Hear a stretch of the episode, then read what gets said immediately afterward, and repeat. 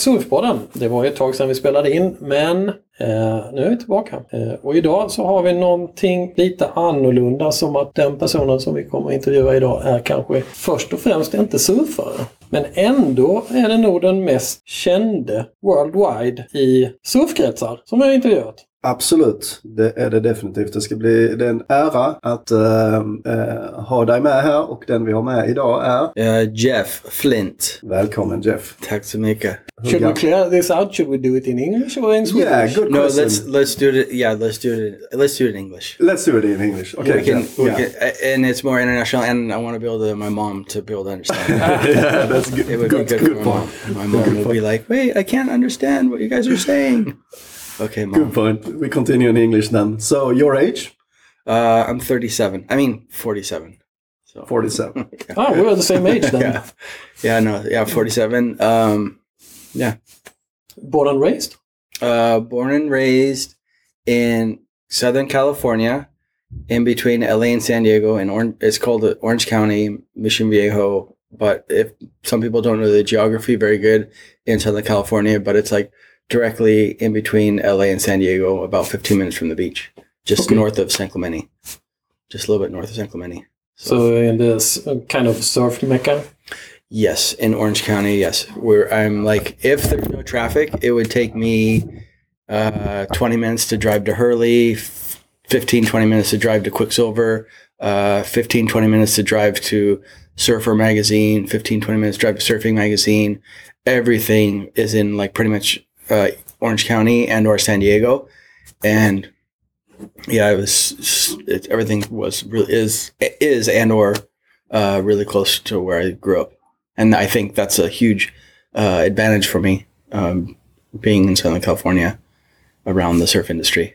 But now I live With that in our en- environment, I definitely understand that you've been working within the surf industry. It would be strange if you would go for ice hockey or something else. yeah, that's true. That's true. Uh, where do you live now? Uh, I live in Helsingborg, um, which is in southern Sweden, um, just about an hour north of Helsingborg, or uh, about an hour north of Malmo, and outside of uh, Copenhagen, or yeah, north of Copenhagen.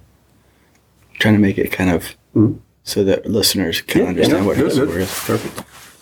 Uh, And uh, family? Family, yes. I'm married. My wife and I, we have our uh, 20th anniversary on 2024. That'll be 20 Wow. years. We have two kids uh, that are 8 and 11. And I've been living in Sweden now. This February will be, f- I think, 14 years. Wow. Yeah. We moved here in Mhm. 2008. Yeah. And I guess the reason why you moved to Sweden is is your your wife. Then. Yeah, my wife is from Helsingborg, Yeah. um, and she's Swedish. We lived in Southern California together for seven years, Mhm. um, or no, we were together for seven years. Then, yeah, she went to school. I'm kind of losing my dates, getting my dates mixed up here. But yeah, um, then we moved to Sweden in 2008. Uh, what do you do for a living then Um, nowadays? So nowadays, I have a way simpler life. Um, I drive a lightweight delivery truck for a sausage company that's family owned. Um, it's one of the biggest sausage companies here in southern Sweden. Um, so my day to day job is just like dropping off and dropping off boxes of sausages and different types of uh, meats and salamis and stuff like that. Um, and then I still I still actually do photography. I have registered here in America, or not in America. Actually, in America, I still Mhm. am registered as a photographer. Um, and then in Sweden, also, I'm registered as a small business here in Sweden as a photographer. So, um, but my main income and my yeah my bread and butter is just driving the delivery truck, which is way easier. Mm. Uh, at getting it's way easier than uh, swimming out at ten foot pipeline and trying to get one picture. More predictable at Yeah. least. Yeah, trying to get one picture and almost dying uh, for one picture. And then, yeah. so every day I get in the truck, I'm just like, okay, start the car Yeah. and start driving. And Yeah. it's it's super easy compared to Yeah. trying to get photos and hustling and, you know, dealing with professional athletes and uh, companies and stuff like that, which it's tons of it's a lot of fun and it was it was awesome. But the delivery truck is uh, way easier Yeah. or simpler, you'd say. All right, thank you, Jeff. Uh, that's a good intro. I think uh, we'll touch upon uh, your background more in detail later on. But first, we have our, and this is what we usually always say, our by now classic Duke and Kook, or Duke or Kook. Yes, and uh, that's just some uh, statements that we will say, and you will respond. You can respond by yes or no, or elaborate and uh, Okay. uh, say. And uh, the, what we're going for is coup. that's bad, and duke is good. So uh, I will start out with. Uh, because I heard that you and your wife was into wine before you moved to Sweden. Hmm So I will start with Naturvin. Naturvin, so natural wine. Yeah. Um, that is Duke, and yeah, mainly because yeah, the, it's it's a natural wine. Uh, it's got booze in it. booze. Uh, no, I, I know I sound like an alcoholic, but yeah, uh, it's got alcohol in it, which is good. And some people make some amazing natural wines. Um, and there's some really bad ones, but then there's some really good You, you never really know what you get until you open the bottle. Yeah, but there are some companies that are very consistent and they've been doing it long enough to know how to do it. And um, yeah, it's it's it's and it gets better every year. And I, I don't know, I I've, I've had some really good natural wines that are impressive. Um, Yeah, And I'm a big, big fan also. So but yeah, it's it's yeah, it's a Duke for me. that's a Duke. Yeah. Right, I can take the next one then. Uh, also um, related to, to drinks, uh, sour beer.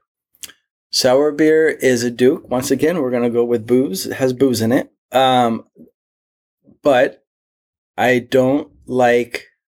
Uh, actually, sour beer is not my favorite style. There are some sour beers that I do like, that I do that I can drink, and then most of them though I don't like them. I would if I go into a bar or something, or if I go to a beer festival. Um, I love trying sour beers, but I won't drink a whole glass of it. Um, but it's it's amazing what they're doing with sour beers right now. Just explaining for our listeners that this is not a drinking podcast. It's just because um, you We haven't changed. Oh, yeah, exactly. But but you've started to, to follow some microbreweries uh, here in southern Sweden. Um, so we'll we'll discuss that later on. And and um, but now back to the surf. Yeah, Back to the sorry, surf. sorry, yeah, sorry. Yeah. So uh, I will continue with foil surfing. Uh, foil surfing is a duke for me because they're enjoying the ocean or they're enjoying the water. I think Mhm. water is a very good therapy for anyone. Whether it be stand up paddle, you fall in the water and you're, it feels amazing. Foil surfing, you're and you're riding either you're you know riding with a kite, you're riding with anything anything to do with the water is very good therapy for everyone. Mhm. I love it. I think we all can agree upon that. Um, and then uh, another that another topic that many people have opinions about is wave pools. Wave pools. Uh, we live in Sweden, so a wave pool would be pretty sweet to have. We have a little more, so we have a little bit more um, consistency. So that's a duke. That's a duke for me. Definitely a duke. Have you tried it yourself? Have you been in the Um, wave pool? I haven't been like the newer wave pools, like the Kelly Slater wave pool, wave pool and stuff like that. I actually haven't tried it. Um, I have tried some of the like smaller wave pools in Southern California when I was growing up. Um, but the technology and everything has gotten better, and it would be amazing to have something in Scandinavia. Um, and that goes back to in the well, later in the podcast, we'll talk about my relationship with Donovan. Um, I was actually talking with Donovan when he was here a couple weeks ago, and he was saying like, yeah, it's going to become like, or he thinks, and they're talking about like the wave pool industry um, is going to be kind of like a skate industry, and then you're going to have the then you're going to have like the natural surfing, like sur- the ocean surfing, and it will become a whole. Uh, it, sh- it probably will become a whole, or he they think that it'll become like skateboarding Mm. where it's like set up ramps and like set up a tour. And okay, this is the ten stops, and we're gonna send these uh, surfers and just do like a whole tour, and then people will start following it, and it'll become a, a whole another culture, like a whole another industry, and it would be really cool to have uh, have something like locally here. We have all the land, um, we have all the water. People always complain about you know wasted water.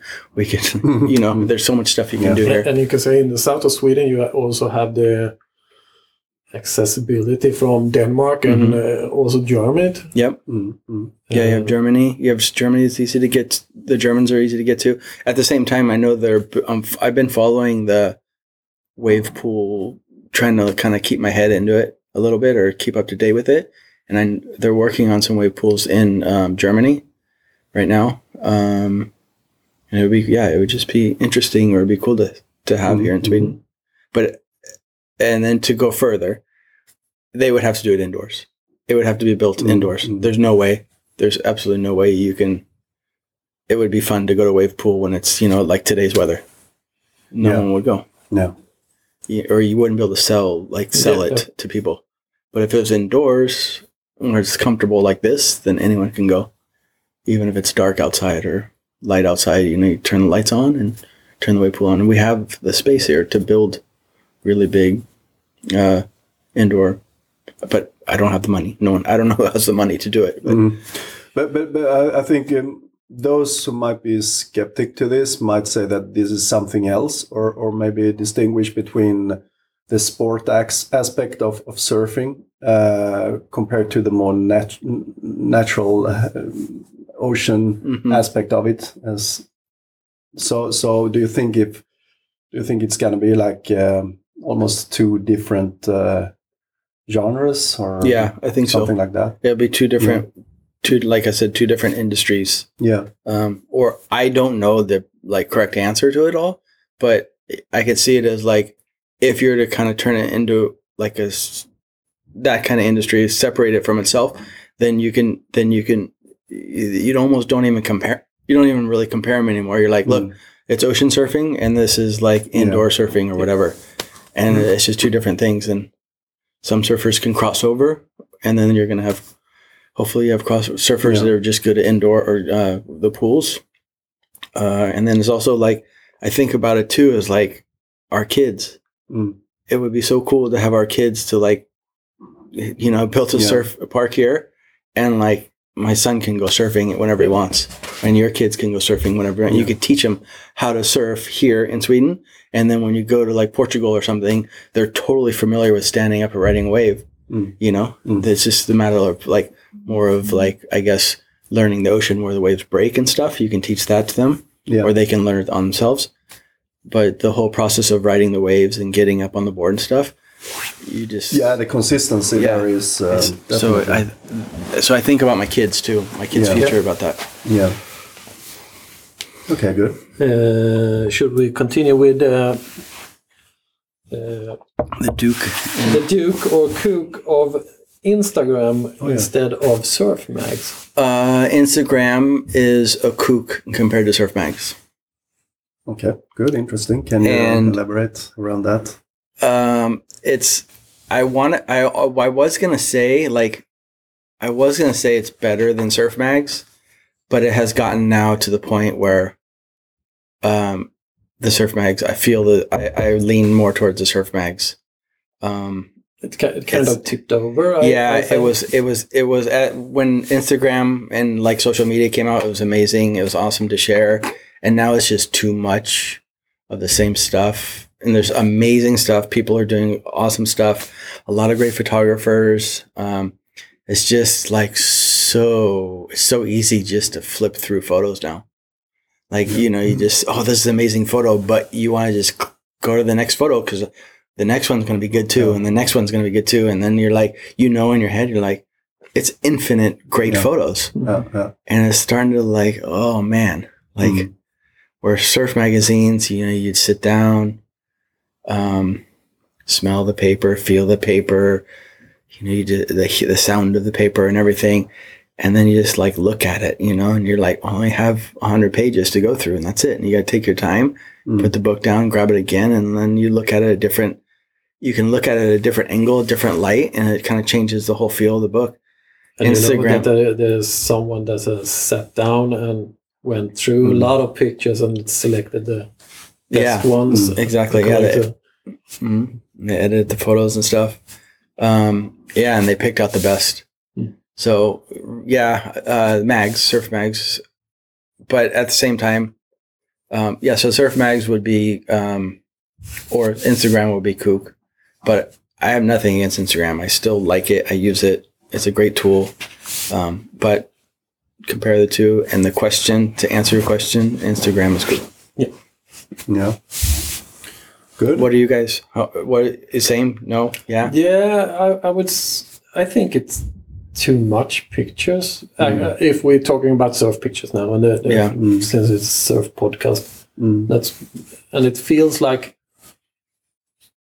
there are less of a selection going on in what you publish because you think you need to publish all of the time, but otherwise you will not be Mm. important or Relevant and- relevant. Yeah. hmm Uh, so I think you get a lot of quantity instead of quality. Yeah. Even though that nowadays m- much of the quantity is good quality, but it Yeah. get, as you said, it you just flip. No, I agree. I agree. I'm, I'm more of old school guy in, in that perspective. I, I really like the physical, even the physical uh, mags, to be honest. Mm. And I agree with what, what you say. I think it's information overflow in the social media. Um, it becomes almost too perfect at that point, almost. Mm. Um, yeah, I don't know. If we're talking social media, then I can think. Then I feel that uh, there are some vlogs instead that is more. Mm, mm, Uh, I'm a big fan of Nathan Florence. mm. hmm Yeah, I- I think he has one of the really good YouTube channels Yeah, that you can follow. those guys are doing an amazing job, Yeah. and that's how I mean the whole media thing. That's how it's changed, and uh, that's one of the reasons why like I don't shoot that much anymore because the surfers are doing a great job. Uh, you know, film do- documenting themselves, bringing along a cameraman, doing their own stuff, doing their own content, and they all do amazing jobs. And they all, you know, I I feel that like one thing that I feel that they could maybe I don't know I don't know about better, but all work together and like because the content is like Mm. endless. Like, Mm. and they also have the, you hear them now talking about.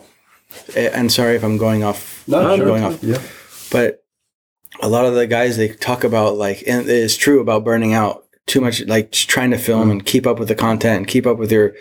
And it's like crazy, and the the the people that are ingesting it or looking at all the content is like there's just the, they just keep they want more they want more they want more and the surfers they can't produce good enough stuff i feel that they should all work together and be like hey i'm jamie o'brien you guys just watched whatever my 10 minute clip you know head Mhm. over to nathan's channel he's going to be publishing tomorrow Mhm. at 2 o'clock and then nathan goes hey Yeah. check out jamie o'brien just came back from bali and like they can all work together Mm. and like you know se- still all separate their sponsors and stuff for each Yeah. channel but then pump each other up and like hey we have a new guy that's uh, came to town and this guy makes an amazing Yeah, that's a uh, good idea. content Yeah. and so people just get all the surfing you know You, you have that almost with uh, Nathan Florence and Koa Rothman. Yeah. And, uh, th- those guys, they, it feels like a tight crew. yep And they all have their own channels, but Mhm. you can you can watch one clip and see it from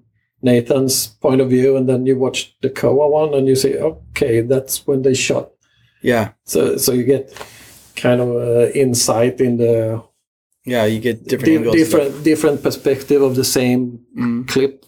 Actually, Yeah. that, that that's one of the things that I appreciate. yeah Uh, No, that just his channels, or that- those channels. yeah and they're doing an amazing job and it's freaking a lot of work sorry oh i can Yeah. s- we're podcast we can, i can say fuck yeah Yeah, yeah. So, sure, yeah, no, Sweden, so it's- that's okay. yeah no but uh, it is a lot of work to do that stuff i mean you guys know this the Mm. podcast stuff is a lot of work just to Mm. set this just to set up Mm. today you don't just yeah, we do one a year.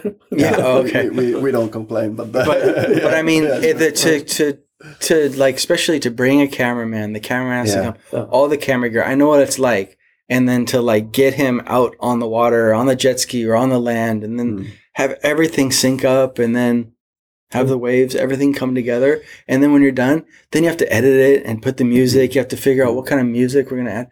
It's so much work that Yeah. people don't realize just to make a Yeah. five to 10 minute video. Yeah. It is crazy Mm. amount of work. And that's how people get burnt out on it. Yeah. Um, but I appreciate what they're doing. Yeah.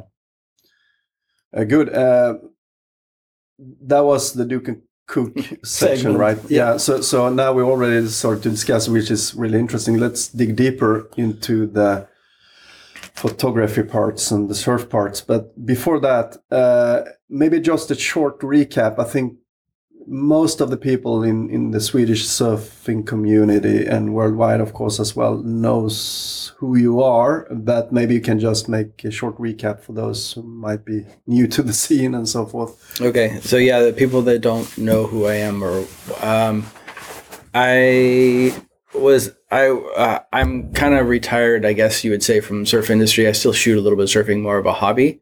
I don't make money off of it anymore. But uh, I was a senior staff photographer for Surfing Magazine um, for over ten years, um, which was one of the biggest surf magazines in the world. Um, I also had a contract with um, Surfline. Um, and I worked with pretty much all the top surfers from the year I'd say 1998 up until 2013. Um, my contract ended with Surfing Magazine in 2011, and then I was freelancing from 2011 to 2013, and I just focused mostly on, of course, surf photography, and my niche or what I wanted to be really good at, what I strive for, excuse me, was uh, water photography. Always trying to get in the water as much as I can. It's like was the best way for me to separate myself from the other photographers. And then when you are in the water with other photographers, you're always getting a way different angle, way different lens. It makes a huge difference. So you can be shoulder to shoulder with different photographers in the water, uh, especially like in Hawaii, and it still has a whole different look.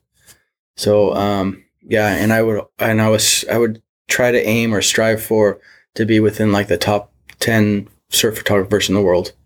That was like I'd work work my ass off for that training, um, physically, kind of mentally. Uh, with all my camera gear, I was always all the money that not all the money that I made, but I would reinvest in a lot of money, a lot of money in my camera gear always trying to keep up with the like newest lenses, newest camera bodies.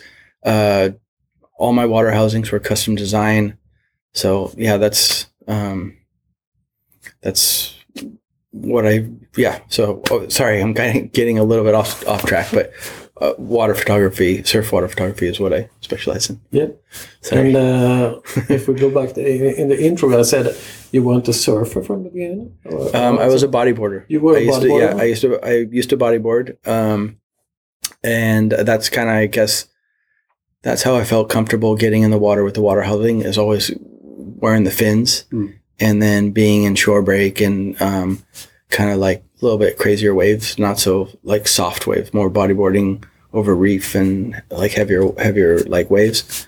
Um, so yeah, and I started out shooting bodyboarding, and I knew that was a way to get my foot in with the surf industry because at the time there was like when I started out, it was uh, Aaron Chang and uh, Jeff Hornbaker and like Hank and those guys. Um, they were dominating the magazines, and I knew I could not just step into that like step into that ring or step into that industry and just like I want to shoot surfing. So what I did is I started shooting But you, you wanted to shoot surfing from Yes. the get go, from the. yeah, I just started wanted to shoot. Okay. I wanted to shoot in the water. Um, I wanted to shoot my friends, and then I realized like once you, I got one photo published and I got a check in the mail, I was like, okay, this is kind of cool. Um, and I just started like chipping away at it, and at the same time, while I'm shooting surfing, I would shoot the surfers. Or sorry, while I was shooting bodyboarding, I was also shooting the surfers. So then I had a little some photos to submit to the magazines, and like, hey, I got this photo of this guy, and then before you know it, you know, you start kind of knowing who the professional guys are, who the good guys are, and then I kind of transitioned from uh, bodyboarding into surfing, and then knowing too that you have to pay your dues, and you like I was kind of waiting in like through the magazine. I was I was starting at the bottom of the barrel. Starting like the bottom of the list, and I'd work my way up uh, to a senior photographer, and it took years to do. It wasn't. It didn't happen like you know overnight. Yeah, it's Mm. a lot of work. It's like how it is today. People want to be successful overnight, and you have to have patience. Well, how was it? You you mentioned Aaron Chang, Jeff Hornbaker. Jeff Hornbaker is is uh, Come Hell or High Water. I think he did some movies back in the days, right? Yeah, that was It's, uh, um, Jeff Hornbaker was d- did a lot of the Quiksilver um, Yeah. crossing trips Oh, with yeah. like Yeah. Martin Daly and stuff in Indonesia. He was one of the first guys. Uh, I mean, he did a lot of great stuff in Tahiti and stuff, but he was he really catapulted. Um, he hooked up with Martin Daly in Indonesia and spent a lot of time there and just got amazing stuff. And he really put helped put Indo on the map. Um, How was it at the time? Did you support each other, or did you find like mentors to you, or how, how was it like? How was it to? Were you more I in a, in a way you were competitors as well? Yeah, it was it was it's way different it was way different back then because the magazines were like maybe 100 150 pages. So you're competing against, you know, they can only select whatever 50 photos a Mhm. month. So you're really competing for page space, for editorial space. So it was very competitive. Um, it was different back then. We barely kind of started. Some of the guys started using email, um, you know, and then cell phones came in, and you couldn't just call Indonesia and like, hey, how's it going, guys? Like nowadays, you can just Skype or Yeah, you know, hey, what's up? I got a question, and it's just it's so easy to connect with people nowadays. But back then, it was like time zones and Mm. phone was turned off, or there was no telephones back in Mm. you know so uh, it was it was more competitive and more um, we didn't we didn't really share too much information the only couple of people kind of took me under their wing um, chris van lennep he was a really great uh, he was one of my mentors actually um, I and he was probably one of my biggest inspirations to shoot with the wide angle lens with the fisheye lens and uh, he would always give me tips and okay. and stuff like that. And when we were in Hawaii, I would offer like, "Hey, can I take your you shot a roll film? I'll drive your roll film into the photo lab and get it developed for you." Like, and then I would take it home to him.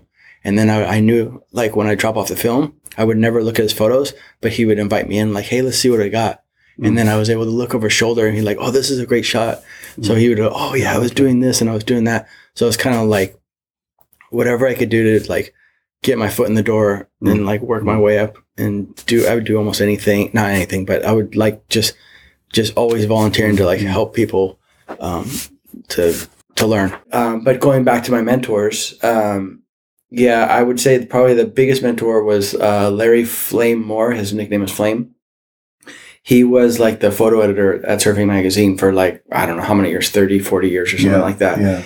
uh, he pretty much took me under his wing and I met him through like Donovan when we were talking. Donovan used to shoot yeah. photos with him.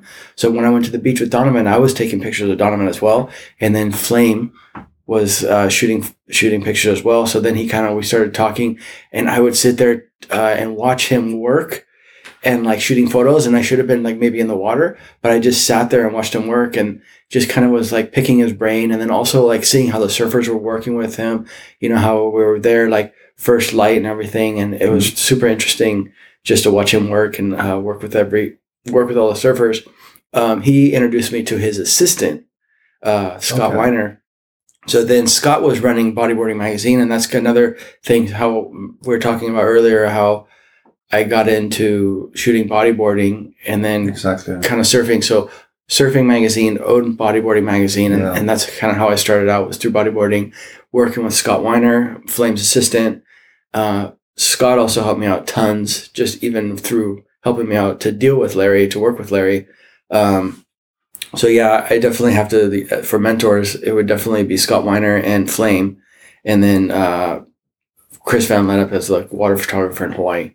Everyone can shoot small waves, but um, you know that's what kind of separates a lot of the good photographers is like if you can swim in the big waves uh, and handle those conditions and stuff then that kind of separates you as well and that's one of the reasons why i got into the as we were talking about earlier the water photography Um, Did that, did that came naturally? You said that, that- to feel confident in big waves, or that's something you've been training kind of the whole life since since you lived where you growed up, where you growed up, so to speak. But um, the big waves I had to train for. mm, um, I had to just get used to pushing myself a little bit bigger, a little bit bigger. Um, I would say the- probably the best way for anyone to train and or uh, for myself was the best way was going to Puerto Escondido because it's sand bottom, mm, but the waves are really big. So, and there's of course there's rip currents and all that, but um, you don't have to really in Puerto Escondido you don't have to worry about hitting the reef, and it's not as shallow shallow as like Pipeline and or like Teahupo'o. mm, So you get a little more comfortable or confidence. Um, you know, pushing. your- I push myself a little bit bigger, a little bit bigger. Uh, every time I would, every trip I'd go down there, um, and or just jump in the water and just go. Um, of course, there are when it's really big, mm. there are sizes that you just you know you're not gonna be able to get any photos uh, because it's so big. But there are you know specific sizes that like ooh okay, do I push myself and Mm. that's what I would do. And a lot of it, uh, as everyone kind of knows, a lot of it is mental. If you can just Yeah, stay relaxed and be comfortable in waves that are like 10 to 15, 20 foot faces, and you're just like, okay, yeah, cool.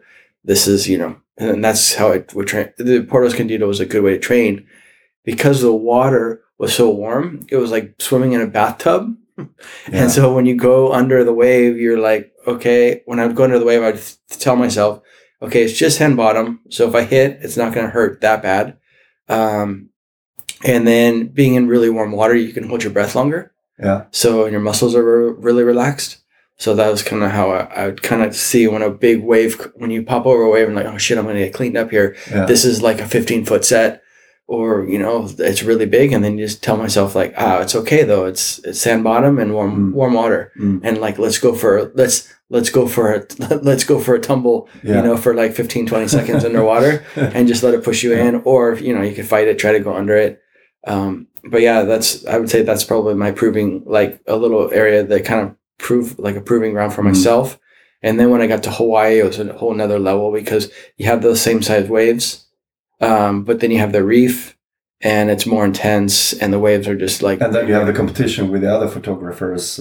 yeah, as and we then, yeah, and- and, yeah, and then you have yeah, then you have the competition with other photographers. But at, at certain size waves, uh, it starts spreading out. Yeah, yeah. it starts Mm. spreading out the Yeah, photographers. Um, some guys just don't go out, or the, they shoot from the land. Okay. Um, maybe they're smarter shooting from land than the water. but um, But how is Yeah. it? Do you have any contact with these guys that you, you, your old mentors, so to speak? Do you still have contact with them today, or? I do. I have um, I have contact with Scott Weiner. Um, Flame is unfortunately he died in 2005 from a I think it was 2005 yeah from a brain tumor. Mm-hmm. Um, and so I don't talk with Flame.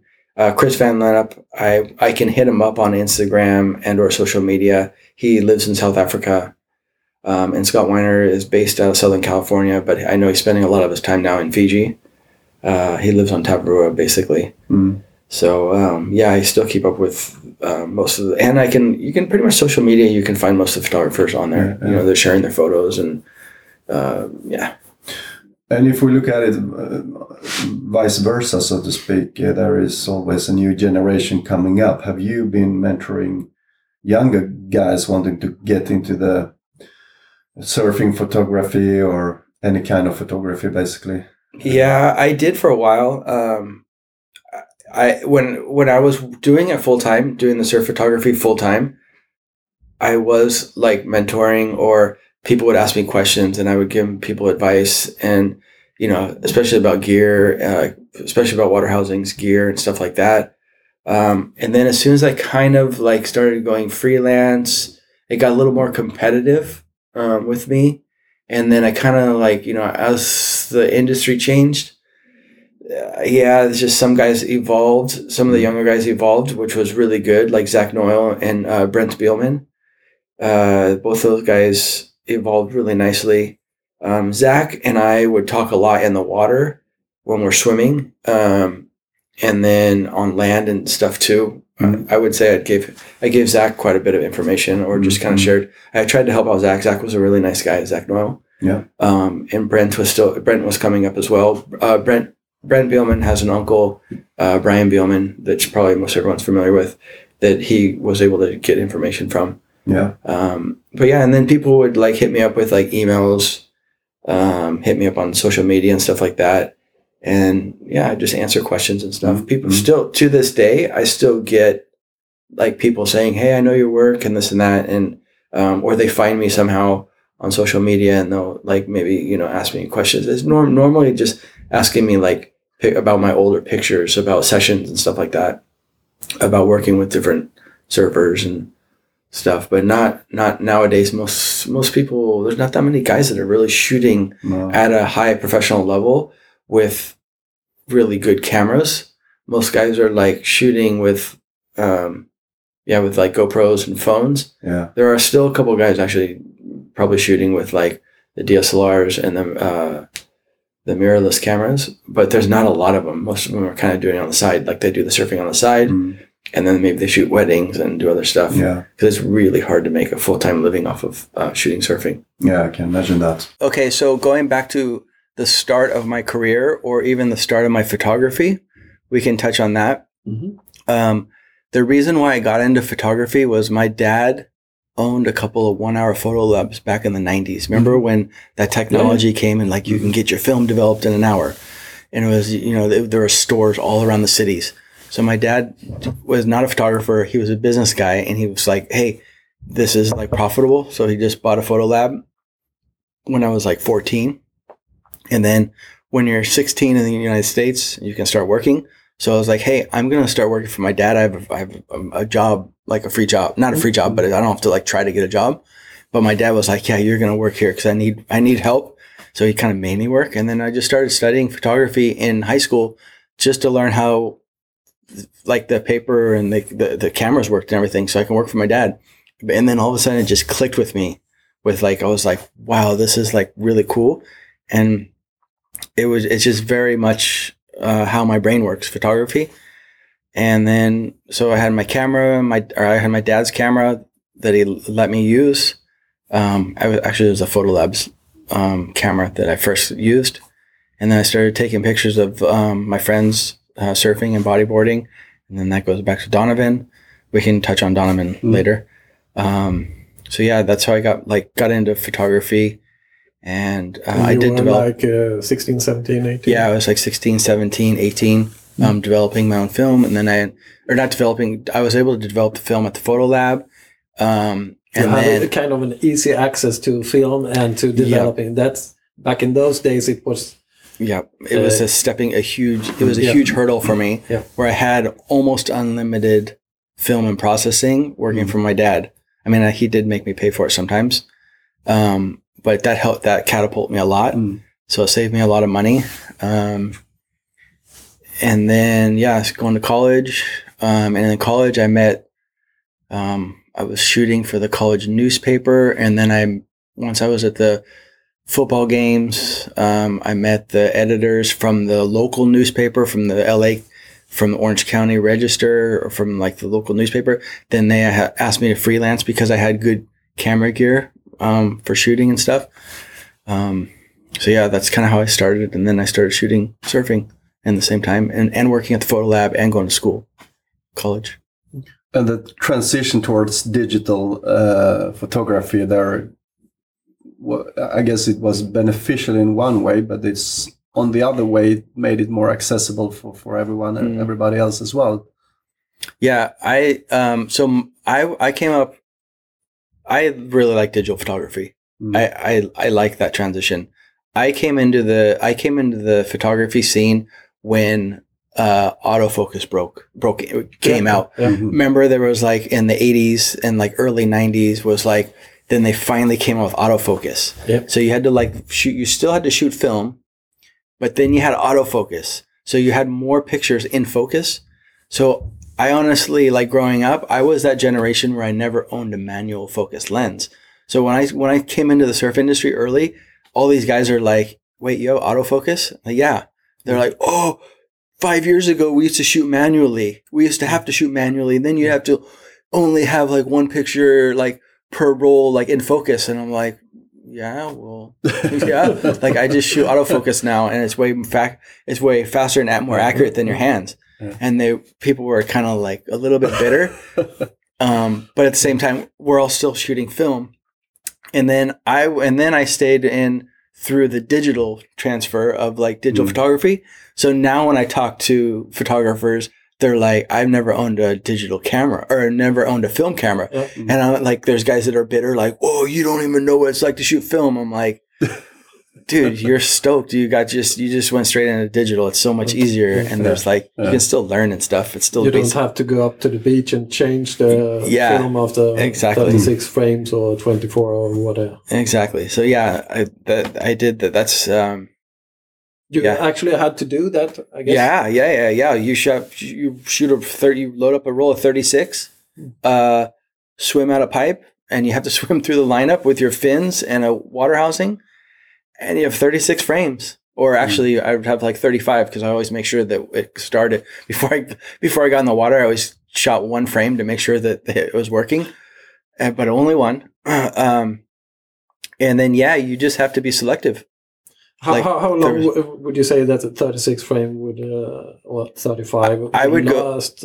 yeah i can i could go uh dep- if the like if i was in hawaii Yeah, like, let's really take- good waves. We say yeah if the uh, i could go ma- uh, record would be like three rolls of film like all day long at pipeline because you have to like swim yeah, in and out. it, it's a hassle to get out. yeah um I and then after so many hours of like swimming in the waves you don't want to swim in and you don't want to have to swim back out. So you just like okay i got 10 more frames and you learn when to take those pictures.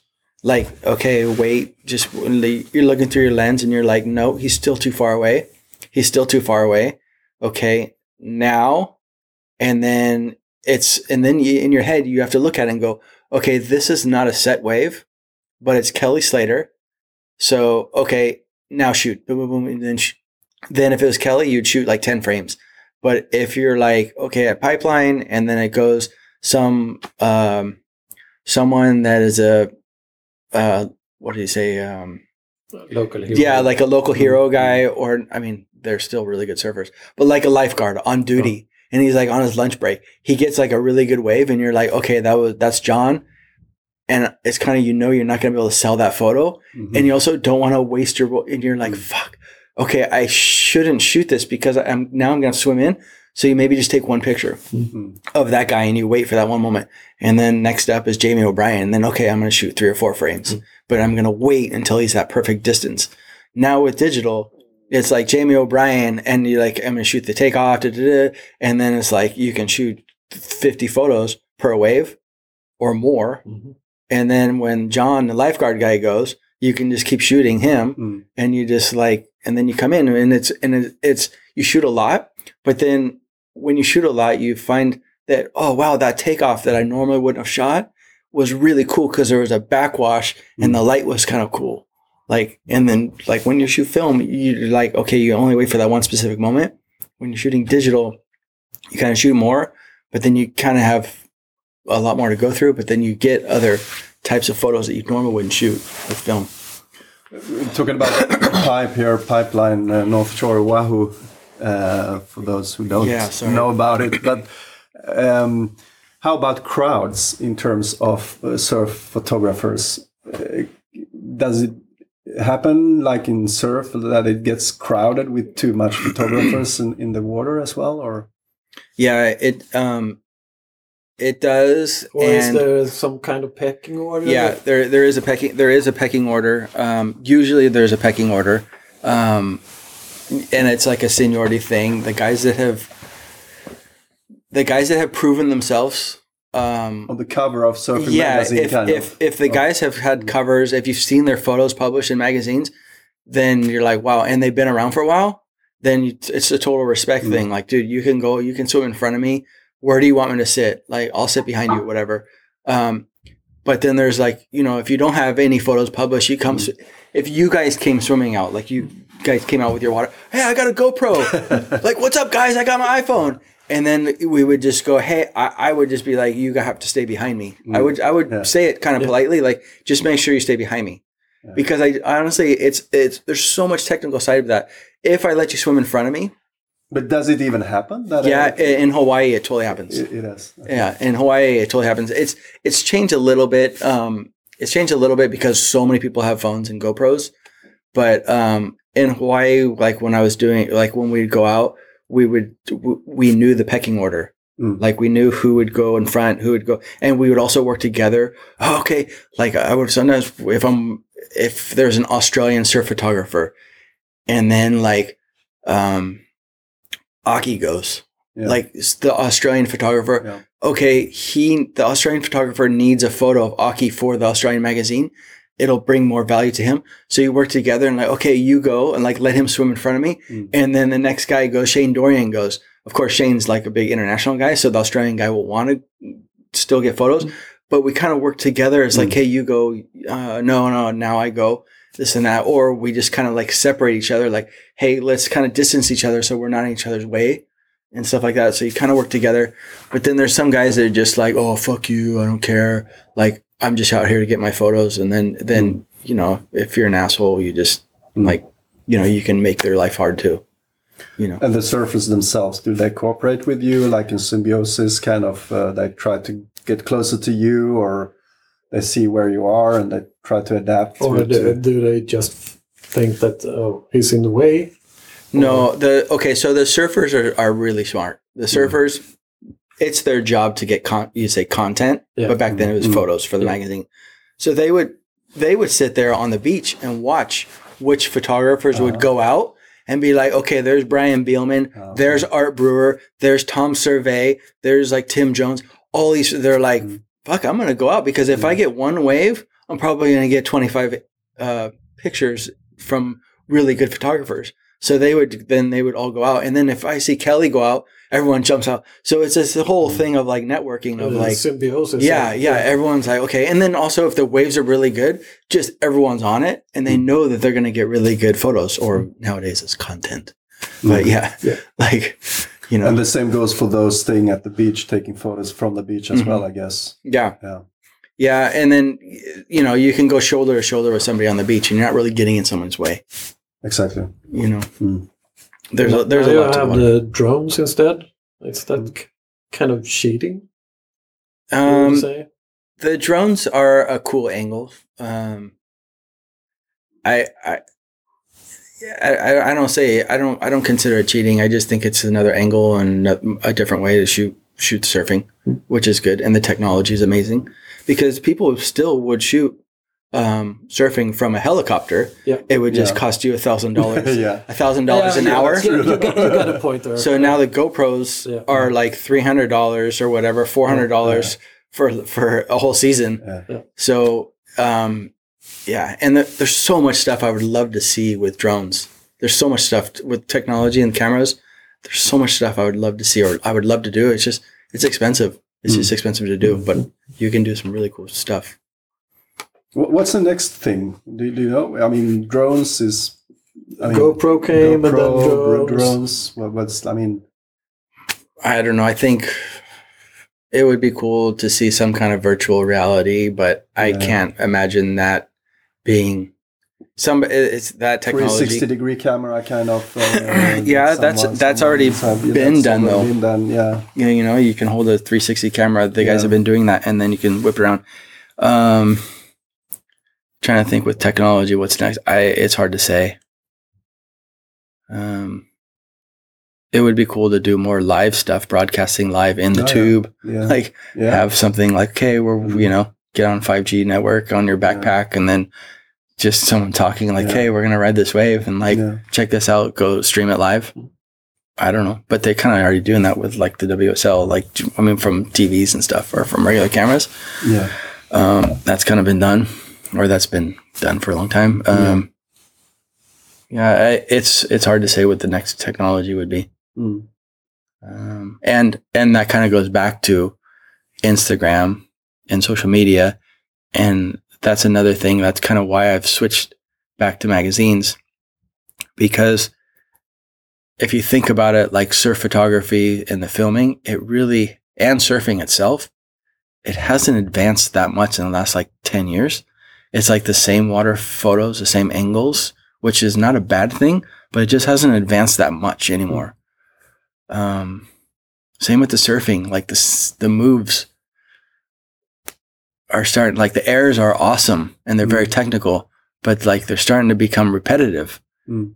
And some guys are going really big and stuff, um, but it's just kind of the same stuff I see on the internet, same YouTube clips Mm. Especially the wave, and then going back to the wave pools. Mm. But I feel that the wave pools, you can set up a ramp Mm. like skateboarding, and Yeah. then get very technical and do weird flips and tricks and stuff, and and turn it into some. With the ocean, it's really hard to do that stuff, and you can practice in the wave pool and then do it in the ocean. Yeah. Um, but don't you guys think that like the whole, yeah, just the whole social media thing is like, I yeah, I just flip through stuff, I, and I see like certain surfers, I just flip I through. can I can feel that I'm getting bored of it. Yeah, numb, Yeah, numb. you just sit there and. Uh, But so magazines going back and uh, would you say there are different genres of uh, surf photography? yes, yes, there's different types of def- definitely different types of surf photography. Um, you know, going back, there's water photography, there's land photography, and then now there's drone photography. Um, you know, there's different guys have different styles, Yeah, um, different locations, all kinds of. It's there's yeah, it's a little bit different here and there. yeah. Because if you look at, for instance, if you look at Surfer Journal Mm-hmm. and Surfer magazine, Mhm. they have, as I feel, two diff- totally different approaches to Yeah, photos. The, Yeah. more, the one is more athletic, yep, like high action. yeah, And and, the the, other one other one is more soulful. Yeah. Yeah. It's true. And so yeah, there is different and then you see that in different photogra- photographers. yeah, Like I and I was more of the action photographer, um, sports action, high action, just trying to get radical stuff. I wasn't the guy cruisy lifestyle uh, longboard Mm. guy with you know hanging ten, which I appreciate, but it's for me, for my personal opinion, it was like harder to get good action stuff than the cruisy stuff. So it was more challenging. uh, Yeah, it was, yeah, it was more challenging. How would you define the perfect surf image? Um, If uh, I think there's a couple. I or what, what makes a what it really has. good.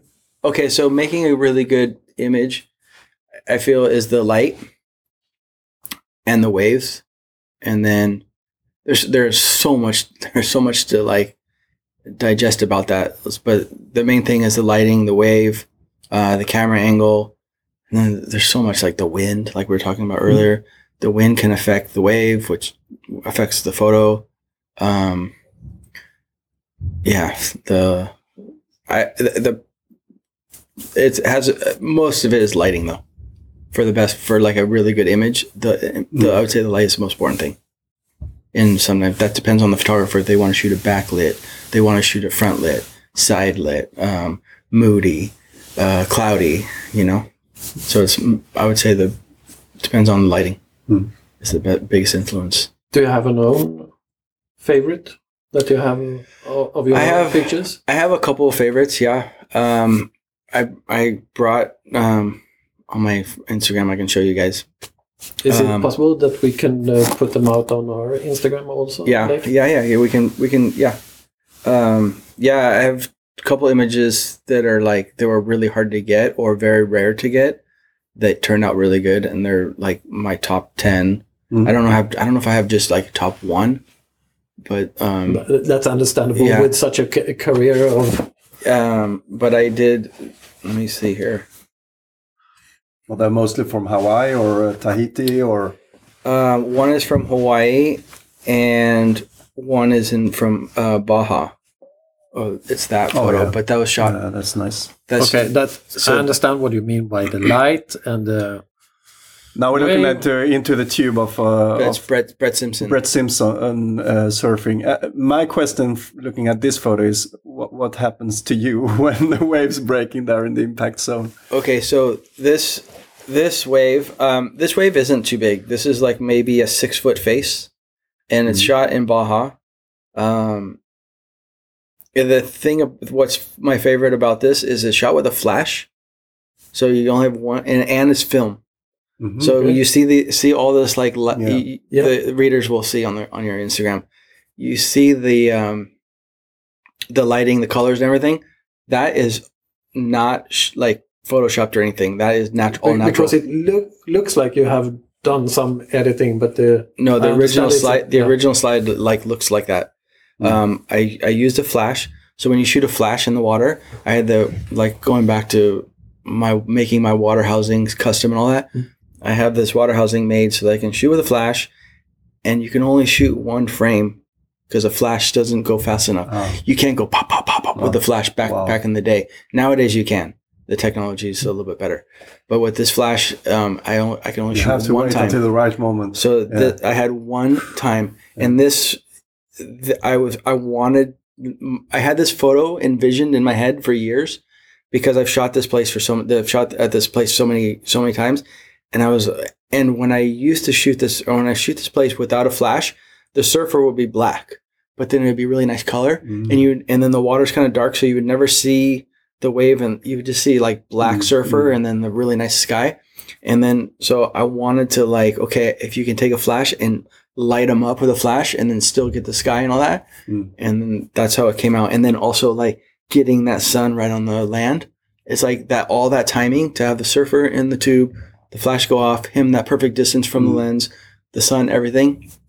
Uh, so yeah, that's like one of my favorite photos. Question: Did you get it published, or it's almost like Yeah, a cover of a magazine shot? It, w- of, it was uh, a two page spread in Surfing Magazine. Oh yeah. Um, I was a little bummed it didn't go on the cover. A lot of people were saying that should have been a cover, but yeah. that's not my call. It's like that's the editor's call. Mm. Um, but yeah, and it's a it's film, so I have I, I still have that piece of film, which is really nice. Like Wh- no, To look when, uh, what time of the day was it? this was in the evening, um, probably around Yeah, it could be in the evening or in the morning because the sun. But This specific wave uh, in Mexico faces directly south. We get south swells, the Okay. south hurricane swells from it. So uh, it's uh, I'm actually facing south southeast when I'm shooting this, or the wave breaks south southeast. It's a special place where the waves wrap around this island. Um, so yeah, this is the evening. It's like around six o'clock, right before dark, right before the sun went down. Mm. So that's one of my favorites. I can understand that. Um, Yeah.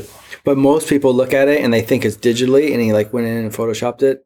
But other photographers that have seen it, they're just like, they know that's film, and they're like, wow. It's, But I think sometimes it helps to to get the background, doesn't it? I mean, it doesn't matter if it's a painting or even a song or anything. If you get the background and understand what's behind it, it gives more value. I think yeah, you appreciate it more. I appreciate it Yeah. more. Yeah. Um, and then do you want this is another one. So this is Mikala Jones at Pipeline, and he took off on this wave knowing uh, that the light was good, and that there was a lot of good photographers in the water. This was a cover of Surfer magazine that Scott um, Aichner shot as well. This my specific photo uh, just got a two page spread in Surfing magazine, but in Surfer, uh, Scott Aichner got a cover. Um, but this wave, Mikala went on this wave at Pipeline knowing he couldn't make it out of it. hmm Um, but what's so what's so good is it's to have a surfer in the wave and to see through the barrel. Yeah. And then also have that light. Yes. It's like you can't. It's extremely rare to Yeah. see through the wave at pipe. Yeah. In the evening light, backlit with that lighting and stuff, and then like have it that that open and have a and have a surfer stand in the Mm. in the wave, because normally you see those waves, but there's never a surfer in it because it's not a makeable wave. So Mikala went on this wave, and like that's how it. He knew if I go on this wave, he didn't know it was going to be like see through, Mm. but he knew like this wave is going to be really photogenic. So he went, and he knew like okay, He if I go on this sacrificed wave, he said yeah, I told him. But that's how. But that's what the, that's that's how it is. And you're like, whoa, Mikala's going on this wave, and you're like, why is he going? And you're like, Huh. you just got to shoot it. Mm. And this is shot digitally, so we have I probably have 15 shot sequence of it, Yeah, and then keep shooting, you know. Mm. Um, but yeah, that's one of my favorites. Cool. So really nice. and it, you you it's hard to get another photo like that again. Seen also you took some underwater photographies. I mean, how do you do that? I mean, you I guess you you're pretty close to the surfer. It's like one two meters something or. Yeah, with like un- doing the underwater photography, um, you definitely want to do it in really clear water, so over reefs where there's no sand in the water. And then since it's underwater, you want to be close to the surfer, so that the distance, the, there's not a big, not a lot of water between you and the surfer, so that it's more clear. Like if I take a picture of you underwater from over there, there's gonna be all this like s- just stuff floating, you know, Yeah. like plankton, sand, or whatever. But if you get really close, it's just like a sheet of glass. So doing underwater stuff, you want to try to make sure you get really uh, close to the surfer, and then because you're close, you need a wide lens so that you can get everything. Oh, okay. Yeah. You know, so that's so yeah. Um, Then the fu- obvious question: Have you ever been hit by a surfer? Yeah, Yeah, yeah, several times. yeah. Uh, Really not a lot, not a lot, but it happens. Yeah.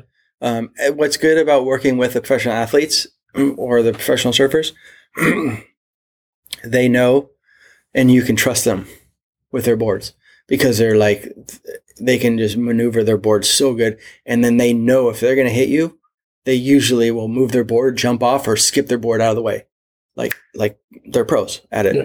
It's like I try to explain to people like what's it like and it's like if you're a Formula One driver, you're like so good at driving the cars, you know every little like centimeter about the car, everything, how it's going to work, even when it's raining, wet, everything. And but you do crash, like you know Formula One, Mm. you will crash because it's a high risk thing.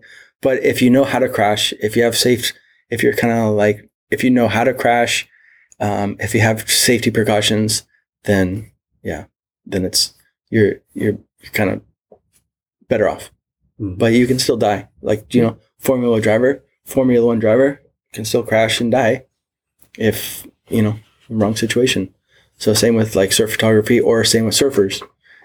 You can make an error and you can die. Like you know, Talking about that, uh, I I heard something or read somewhere that you actually you were at Pipe. I don't know, 2005 or something, Mhm. photographing uh, Malik Joyeux, mm, the Petit Prince de Tahiti, if I Yeah. understand correctly. And he actually died ju- just in front of you, more or less, or yeah, um, after takeoff. yeah, um, yeah. I um, it's not hard for me to talk about, but I get a little little like choked up about it. Um, yeah, it's tough. Like I I met uh, Malik in Costa Rica the first time, and then I met and then I ran across him in Tahiti a few times, and then seen him in a little bit in California, and then every time I went to Hawaii, he was always there. And then yeah, in 2000, like so we had this like surf bond of like running at each other and mutual friends and everything, and we we chatted, and I, I kind of got to get to know him pretty good in Costa Rica. Um, we we were actually free diving together in, in Costa Rica. Um, yeah, and then so we're just a really good day at Pipeline, and uh, Malik is one of those. He's a Tahitian, and since he's not Hawaiian, he kind of has to fight for the waves. There's like the pecking order in Hawaii and stuff. So he got a really good wave, and then um, he didn't make the drop, or he just like it, the wave just got him, and he um, I, I guess he just hit it. He just hit the bottom. Like he never came up. Hmm Um, but it was like the first wave of the set. I remember and seeing it and like watching. Okay, shit, Malik didn't make that wave. Um, make sure he comes up, but then you know, 15 seconds later, another wave is going to break on top of him and break on top of us. So you're sitting there watching it. You're trying to watch him like come up, and like shit, he didn't come up. The second wave, he didn't come up but then I need to make sure I go through the wave because if what am I, you know, what am I going to do when it's like big pipeline? Just go swim in there and get Yeah. drown myself. Mm. The wave will take you and hit you on the reef. Yeah. So you know, and then it's like, shit, you don't like Malik didn't come up. Mm. Then after three waves, Malik didn't come up, and then all of a sudden it's like, hey you guys, where's Malik? I don't know, where's Malik? And it's like, shit, you know. And then all of a sudden, like, uh, they have this like watch in Hawaii, like people that are watching, the, like the local guys and they ha- that's part of the security. Part of the safety is like you know when there's someone's in trouble, you just start whistling.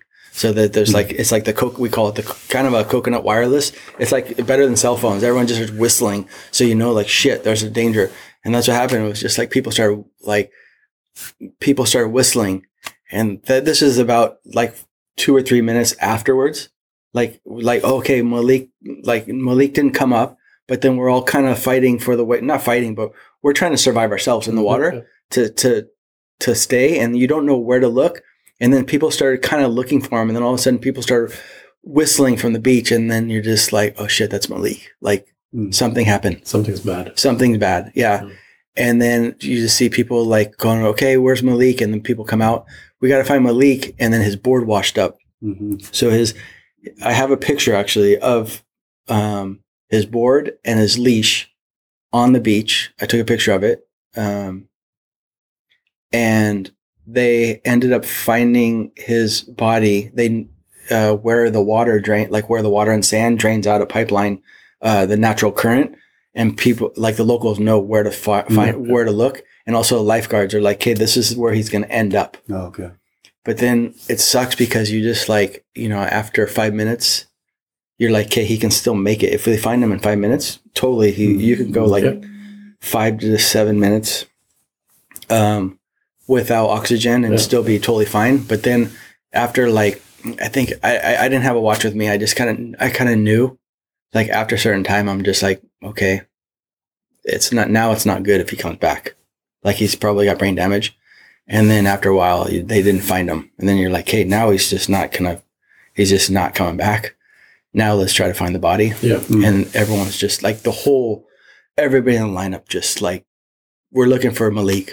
And Okay. th- everyone doesn't care now anymore. Yeah, Everyone's yeah. just like looking and they, f- they find him and, you know, water's, you know, foaming at the mouth and stuff. And Wow. it was, it was tough. And it's just like, Mm. It's just silenced the whole, just, it just, does the waves are amazing, Mm.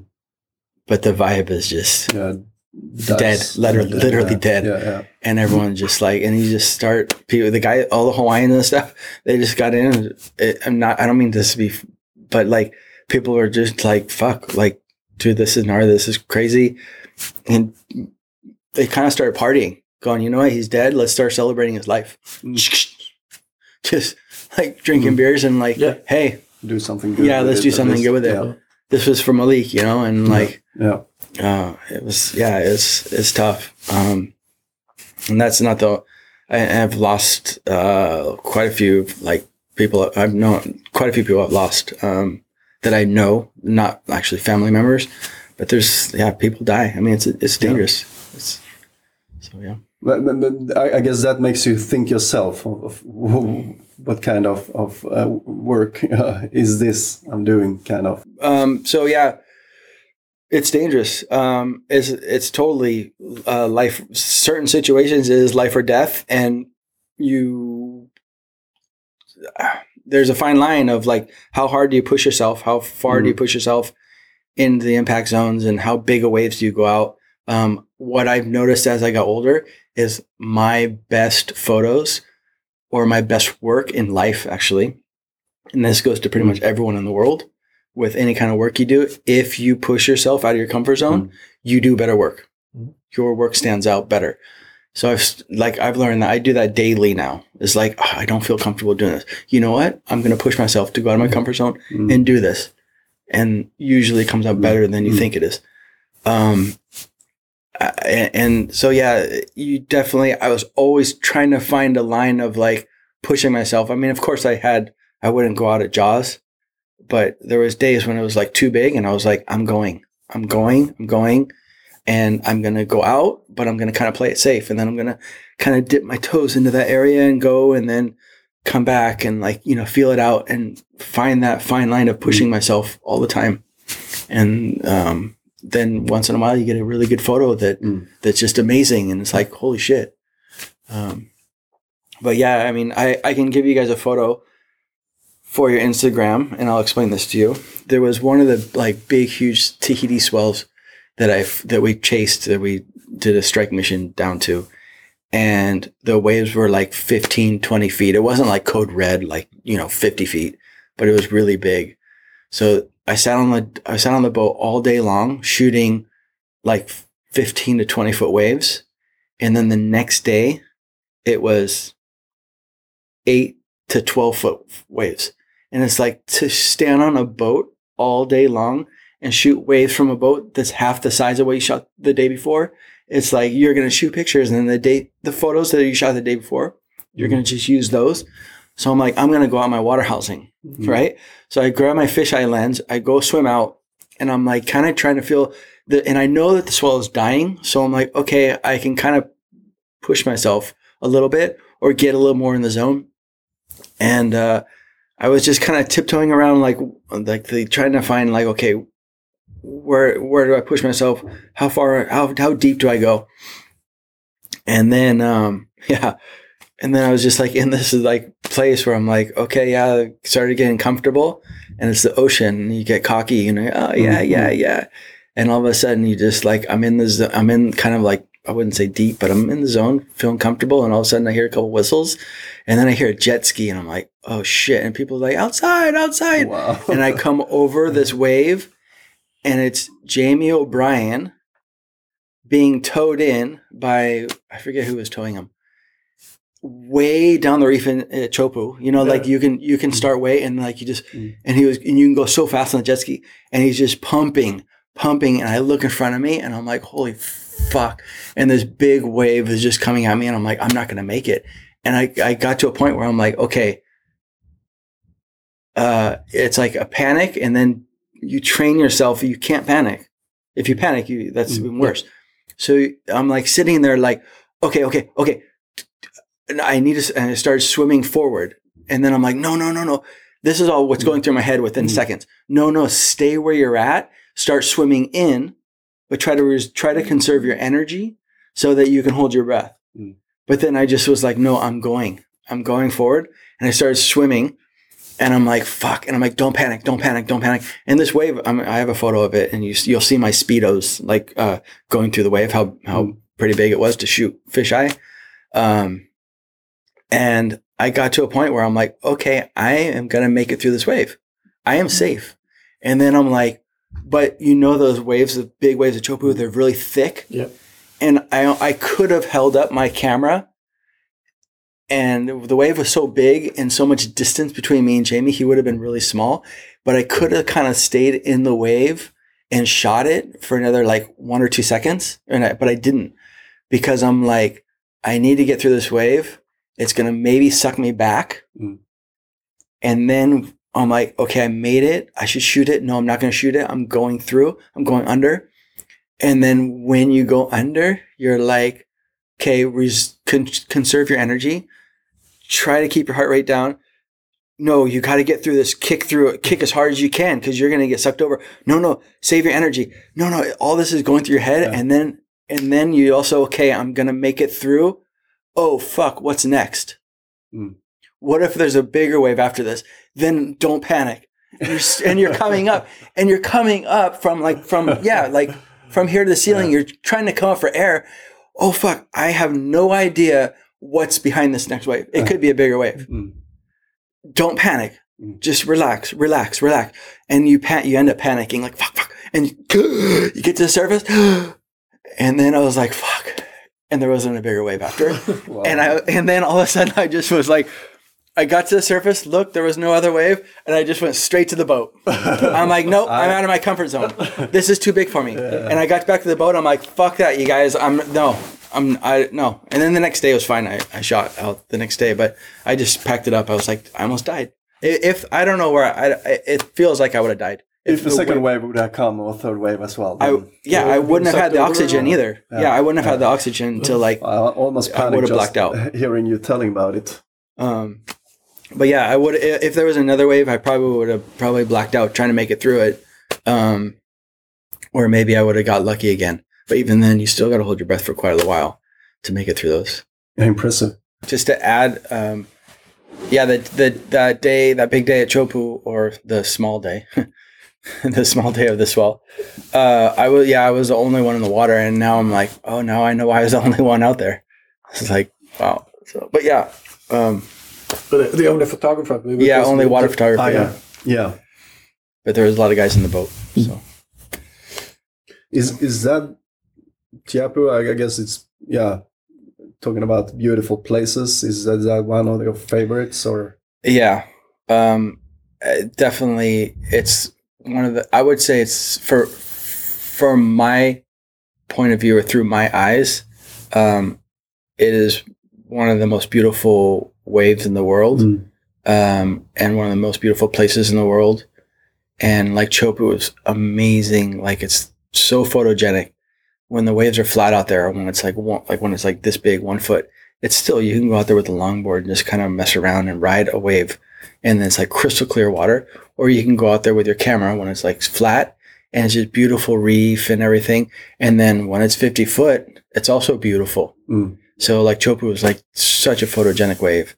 Um, and it's, yeah, I would say it's one of my favorite places to shoot, to photograph. Um, I did go there quite a bit. I'd probably go th- like three times a year, two to three times a year for about six or seven years. Mm. I, I have a lot of, spent a lot of time there. I bought a boat. I've like, I invested in like inflatable boats there. I've imported motors and stuff so that I can have, get around Yeah. and stuff the reefs. We understand that you've been around on the kind of famous Oakley House at Backdoor and Quiksilver House at, at Pipe. Even though I guess they've sold them now, I don't know if it's Yeah, they- owning them still. Or They're still kind of like in the. It's still kind of like a little bit in the family. This, there's still people within the surf industry that own them. Ah, okay, Um, it's just not the companies. yeah, Um, but yeah, the the the, the houses in the wintertime. It was yeah. great. Anyhow, oh, was a I guess you have a lot of stories. Can you share some some for us? Um, uh, most of the like the fun times is when the like the stories of fun times was always when somebody won a contest. So like let's say Parko Yeah. won uh, Sunset or something, or like Mick Fanning, or you know, then the houses would blow up. Like you know, like Bruce or Andy, and then like like Bruce or Andy, they would party at the Volcom House, Mm. and everyone just knew like you know uh, we're going to the Volcom house tonight. Like it's going to party. And even Volcom back then was like, you know, when it was kind of pri- when it was privately owned, they didn't have as much responsibility. So like Wooly, the owner, he would be like, yeah, like fucking, let's get a punk rock band on the porch and let's play loud music. It's fucking punk, you know, Mhm. and party. And like it would just the comp beer companies would drop by and like, you guys need beer because they knew it was great marketing and then the surfers are like, "Oh, let's just go here. Here's some money, and just go to the store and buy twenty cases of beer." And like, and and uh, you know, I mean, when you're like, it, it basically like living like rock stars on the beach, Yeah. and it is. It's you know, and they they work really hard, and you know, they're in life life and death situations, but they also play really hard. Um, you know, and you just say like, definitely, it's like sex, drugs, rock and roll, man. Like yeah, it was a life. Yeah, it was fun, it was, and it was fun to document it. Like, I mean, I have I have I have photos and stuff um, of just I don't I never really yeah I don't really want to talk about the any kind of like drugs or anything. I didn't see too much of that. Mm. Um, but yeah, the parties and stuff were just crazy, just Mm. so much fun. You know, just partying all night long. Mm. Um, but it was good. And then yeah, just people, just uh, most of the party, most of us partying. Um, you know, there were some moments of, you know, yeah, yeah. I would say it's mostly just partying. like You story. mentioned you mentioned Andy there, Andy Irons. What's Mhm. your relation to him, or what was your relation to him? Um, I met Andy through Surfing Magazine um, as like I guess when I was one of the top photographers, and then Andy's was one of the best surfers. Just doing sur- I, I just started doing surf tri- surf tri- surf trips with him. Um, our most of the time our personalities would match. Um, we were kind of like we'd get you know we'd get along really good, and then there was times when uh, you know when he would go and party and stuff and Mm. um, it'd be a little bit harder to work with him. Um, but yeah, I've I've I've done like I think like four or five like good trips with him. So we've had like bonding experiences, um, and I've I've yeah, and he would kind of like he he would kind of look I wouldn't say look for me in the water, but yeah, we, for some reason we'd always connect good in the water. and then also on land. Um, but yeah, it, and I've had some horror stories with him. Like I remember going to Costa Rica with him, and it was it was me, Chris Ward, Andy Irons, and Corey Lopez. We went down to um, Costa Rica, and uh, I'm working for Surfing Magazine. I have my editors and everyone. I have pressure on me to come back with great photos. yeah. I have the best surfers in the world I'm working with.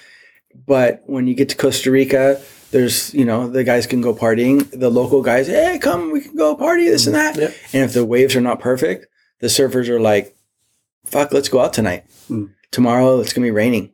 Let's mm-hmm. let's just go mm-hmm. surf or let's go party. And yeah, like you just you know you I'm kind of stuck there. Oh, come on, let's go, let's go. And I'm like, no, nah, I'm just gonna go to bed because I have this responsibility c- to be respon I have this responsibility to come back with photos Yeah, because the magazine, like, there's a lot of pressure on me yeah to why, produce. why you were Yeah. there. yeah, and that's why I get a salary. That's why, like, that's why they trust me with these guys. But, but but was that uh, trip paid by the magazine for Yeah. uh, the surface also? or- No, the surfers would the surfers would pay for it themselves. okay. because they get their, they get their travel budgets. They they Yeah. get their salary, their travel budgets. Sometimes it's worked into their contracts, but they all pay for themselves. But but was it like a joint trip Yeah. or that you have agreed before that uh, okay we will go to Costa Rica? yeah, yeah, it was a it was a specific trip for Surfing Magazine. The editors and myself kind of set it up like we need photos of these guys. I, I forget exactly what it was for, but we, we went down to Costa Rica and they they yeah so it ended up like Wardo and or Chris Ward and uh, Corey and them they just went out and partied all night and in the morning I was trying to wake them up and like and Corey Corey comes from a really good background of like working really hard. He grew up on the East Coast in Florida, so he knows what it's like to fucking have to hustle and work Yeah. really hard to make it to where he's at. Uh, Wardo is just Chris Ward. He's always been known as a partier, so he can get away with it. His sponsors would like wouldn't care if he partied. Like that, that- that was his image. Yeah, that was his image. uh, like But star. then, but then there were, and then there was Andy, um, who was like the best, one of the best surfer is or was one of the best surfers in the world. Um, but he decided like I don't want to surf tomorrow. I'd rather go and party. And I understand that because if the waves are not that good, why should you like wake up in the morning and go? And it's like Mm. for me, I'm like fuck. We need to wake up early and go and shoot photos, even if it's bad. I need to come back with Mm. photos of them surfing to show like, look, we were working, and like almost got in a fist fight with him that morning. I was like, come on, you guys, let's go, let's go. Mm. And Corey's like, let's go. Andy, like, let's go. Corey wanted to go take pictures. And like Wardo's like, uh, you know, passed out. and they're just like, they've been up all night. Um, And yeah, and they just slept all day long. I was so, we were just like at each other's throats. He's like, fuck, just let me sleep. And I'm like, let's go. We're fucking here. Like, we, you know, we, we, we're here to work. Yeah, I don't like, you know, I mean, he cared, but he was like, yeah. the waves are shitty. I'm not going to go surf. And I can't get any work done. So Mm. then it's like, I have pictures of them sleeping on a boat, passed out. and that's what I came back with, like, from my editors. I was like, like, where's the surf photos? Here's photos of Corey surfing. And the waves were not that good. So the photos never got used. Okay. But then there's like Andy and Wardo, like, pass out on this boat from, But you got them on the boat at least. yeah, yeah, yeah, yeah. Yeah. Yeah, that was another day, actually. um, but yeah, it's like so. Yeah, you know, and, and it happens a lot. That happen. I wouldn't say it happens a lot, but um, you know, if the surfers don't want to surf, then then you can't get any. And they're and then a lot of them are kind of picky, and I understand why. You know, you don't want to get hurt. Mm. Um, you're surfing all the time. You want to enjoy life, Mm. um, but at the same time, there's a lot of pressure on my shoulders to come back with like the cover shot. You Mm. know, that's like, hey, we're gonna send Jeff down with Andy. And that's, That that's one thing that people don't think about when they hear, oh, Yeah, is a surf photographer that goes all around the world to take pictures. yeah. But all these problems behind. yeah all the behind the scenes stuff it's it's um yeah there's a lot of um like politics and servers that don't get along uh there's different locals that don't like us coming to take pictures you guys can't take pictures here um you know getting robbed on the, i've been robbed twice on the beach with because i have camera gear if i'm standing on the beach with my big lens i've been in mexico i've been robbed twice at gunpoint for my camera gear that's like stuff that I don't like tell people or that you know back then they didn't They Yeah. don't publish it. Yeah. Um, I- you know, getting robbed at gunpoint. Let's see what else. Um, you missing flights.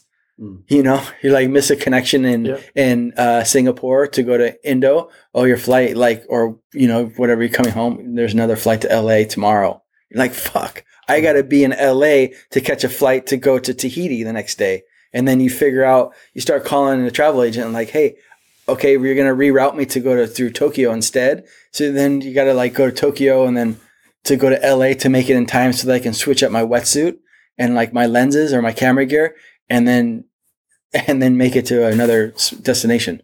Have you ever calculated how much time you spent on an airplane or at the No, I airport? I haven't. No, Do you dare? no, I couldn't because I've lost so many like ticket stubs and everything. It's it's hard to calculate. Um, I, I can tell you about. I can tell you this one time we were in Portugal. I was with uh, Jesse Merle Jones, and I forget who the other surfer was.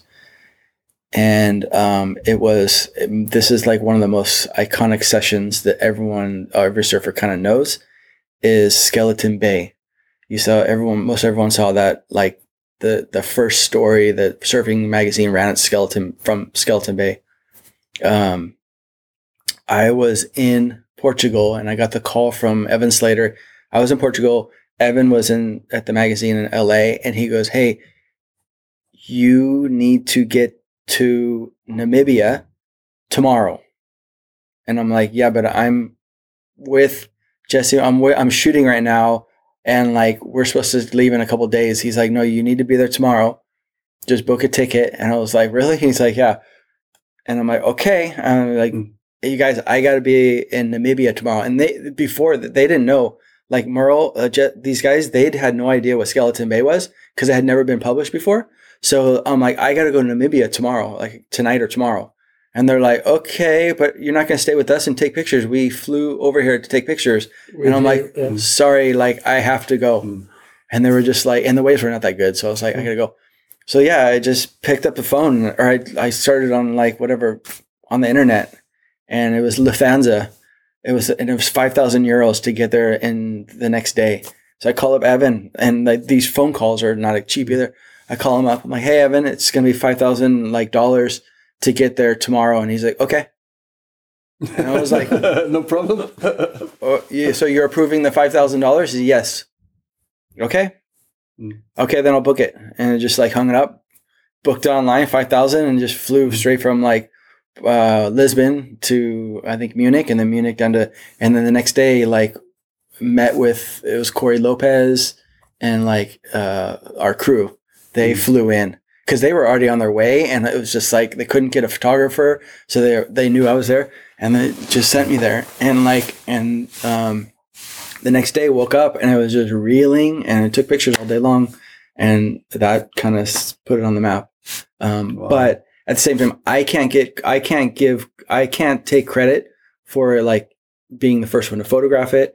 It was actually there was a crew that went there before me and they saw it break, but they never got it big.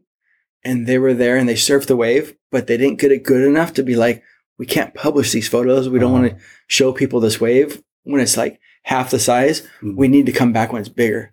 So the photographer, DJ Struntz, he was there on the first trip and he saw how it was all set up and he's like, he wanted to come back, but for some reason he could not make it. So they called me and then I came in, shot it and scored, which is like, Wow. It's kind of sucks for DJ and D, and him and I I've always told him like dude I know you're the you're the guy that's Mhm. like found this or was one of the first photographers there. But um I definitely have to give credit to DJ for being like you know the first guy to photograph it. But I think I was one of the first guys to actually score it um with photos. And that's those are like yeah that was an iconic session. And when was this? It was in I want to say 2008 or 2009 Yeah. It was right when I moved to Sweden, so I was based Oh, yeah. in Sweden. Okay. So I flew to Portugal. It was easy for me to fly around Europe from from Copenhagen. I can send you. I'll send you some of those photos. That would be great. That would be talking about your photos and and and what you have. Is it something that that you sell? Can can can you buy copies of them or you don't? Um, do that as I business? I don't do it as business. Um, people people have emailed me and said, "Hey, can I I like this photo or whatever, and I can print it for them, um, and charge whatever like a fair rate for it." Mhm. I don't go out and hustle it and like have a website or anything. I just don't. It's really tough. It, things have changed a little bit now, but is for a while I- it was really hard to have have a website keep up with it, pay all the fees, the yearly fees, the the transaction fees, all this stuff. It ends up you just end up not making that much money off of it, Yeah. and people weren't buying that much photos hmm. online. It's kind of changed now because everything is so digital that there's nothing really paper to put up on the wall. Hmm. Yeah. So now there's now it's kind of coming back, and people are and people are willing now to pay a little bit more money for fine art for for more historical prints, like the photos from Namibia, hmm. like t- seven years ago. People wouldn't. I couldn't sell those, but now that it's like whatever, so old and like iconic that people are like, hey, I would want to buy that photo Yeah. but I don't go out of my way to like sell them. And here's something that I look at. or My theory about any kind of photos or photos is like I look at each image like a bottle of wine, and it just gets better with age. So like you know, at home you have this like Mhm. wine collection, and you have like really shitty bottles of wine, and as they age, they just get worse. So you throw them out or drink Mhm. them. And then you have some bottles of wine that are like really amazing. And as they age, they just get more valuable, more valuable. And then they tell stories almost.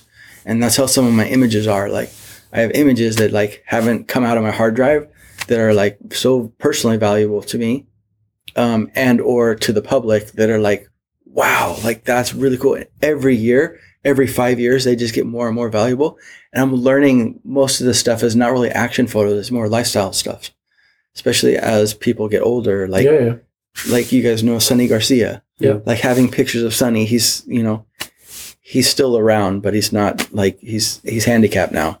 Um, but it's like photos of Sonny that are just like gonna they're so iconic. Those Mm. photos Mm. they mean so much to me and other people, his family and his friends and everything. And other photographers have photos of Sonny as well. But each image is like like I look at it as like a bottle of wine. Mm. 98% of it, you throw it out, you know, or it has no value, but there's that 2%. So when you get getting retired, you will have a ver- vernissage and, and selling your photos, maybe or yeah. something. yeah, I've had actually, verni- I've had the vernissage or, um, yeah, you had in Mölle, right? yeah, in Mölle. Yeah. And it's, it's totally understandable. Swedes, like the general public, public in Höganäs, they don't care about surfing. no. Like No. if I was to have the same exhibition in San Diego, we probably would have had maybe whatever 50, 100 people show up. Mhm. In Höganäs here in Sweden, Yeah. I had like 10 friends. They were like, oh, cool. Yeah. And then other, like the Swedes are like, oh, that's cool. I like the blues, you know? Yeah. And I, I had a photo of Deeding, you know, that yeah, there's yeah, that the iconic shot yeah, of. exactly. I So I, I published that, or I printed that one for the city of Höganäs. yeah. Um, and like most people kind of can relate to that. That's why I did it. Yeah, exactly. But surfers are like, oh yeah, that's kind of a cool shot, but it's like it's not Teahupo'o, it's not pipeline. Mm. You know, surfers, you know. Mm. Mm. But yeah, Yeah. Cool. Ever thought about uh, doing a book? um, I've thought about it. I I'm not I I don't know. I I'm not saying yes or no to a book right now. Or spe- I thought about it. It, it would a, a specific editor. I would have to be work with a specific editor Yeah. to help me do it. And there's only a couple guys that I would want to work with to do a book. I wouldn't want to just do. I've had I have a lot of people that are making books and said, "Hey, uh, my most recent book or my most like recent collaboration I did with this guy uh, in England. He was making a cold water book, and he was like, "Yeah, I know you live in Sweden. Do you have any? You know, I'm looking for cold water stuff." So I sent him like uh, I think 200 images to choose from, and he published like two or three of my photos in his book. And it's great to help him out. And it's great to pub, you know, to um, have Sweden in a cold water book. You know, Yeah. Yeah. so it's a win-win. It's a win for everybody. But to specifically do a book, it's a lot of freaking work, and I'm I'm not ready to do that. Like, and then also like books, you don't make money off of them. You just print like a thousand of them, and then you sell maybe a hundred, and then you're stuck with like a whole like shitload of books left over, and then you what do you do? Give them out for free, and then you lose money, and Yeah. or you're stuck with like a thousand books. Just like oh, no, I, it doesn't. Right now, it doesn't really appeal to me. Look. But I maybe in the future. Uh, going back a little bit to to your uh, to your childhood or when you grow up in, in California and, and and you talked about it earlier today um, about Donovan, Donovan. Donovan Frankenreiter. Yeah, he was here in Copenhagen a couple of weeks ago, and, and you were there. Those Yeah. who follows you at Instagram could see that you were there, and we understand it's an old friend of yours or even a neighbor, right? Yeah. So Donovan and I, we grew up in the same neighborhood um, uh, in Mission Viejo, and his like I knew his dad pretty well. Um, I knew his mom. His I knew his family. I'd go over his house during the during the day or whatever.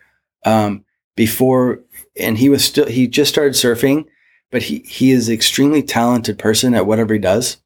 Um, he's just one of those guys that like he can pick up a guitar, as you know. He's really good. He can start singing, and he's really good he you can give him like a skateboard and he's really good at whatever he does. Mm. Um, so his dad built a skate ramp, a half pipe in my neighbor, my my actual neighbor's backyard. So Don would hang out uh, and skate the half pipe like every day. Um, and then we'd he would go to the beach too. His dad would take us to the beach. I remember his dad was always really cool. And this was back in the like yeah. So I, I grew up with Donovan um, when he started surfing, like started like make breaking into the surf industry. Um, and then that was when I was in like fifth or sixth grade, and he was in like sixth grade. And then in seventh and eighth grade, he started like becoming like a, a proper professional surfer. Yeah. Um, and then he he didn't go to high school. He did home study, and he, he graduated from high school, but he never uh, never like went to school because he was just surfing and traveling. Um, so as we grew up, I ended up having to go to high school, and then he was just traveling around the world, getting photos, videos, and everything with the whole momentum generation, and it was really cool to see.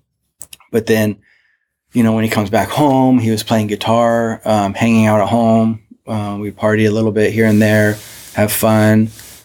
Um, so, yeah, like I- he was like a neighborhood kid. Yeah. Um, and then we both grew, you know, now, and then I was working for a senior, I was a senior photographer of Surfing Magazine. So we did surf trips together. Mm. So it was really cool to like grow up with them. Yeah. And then we're like sitting on a surf trip together, like, Yeah.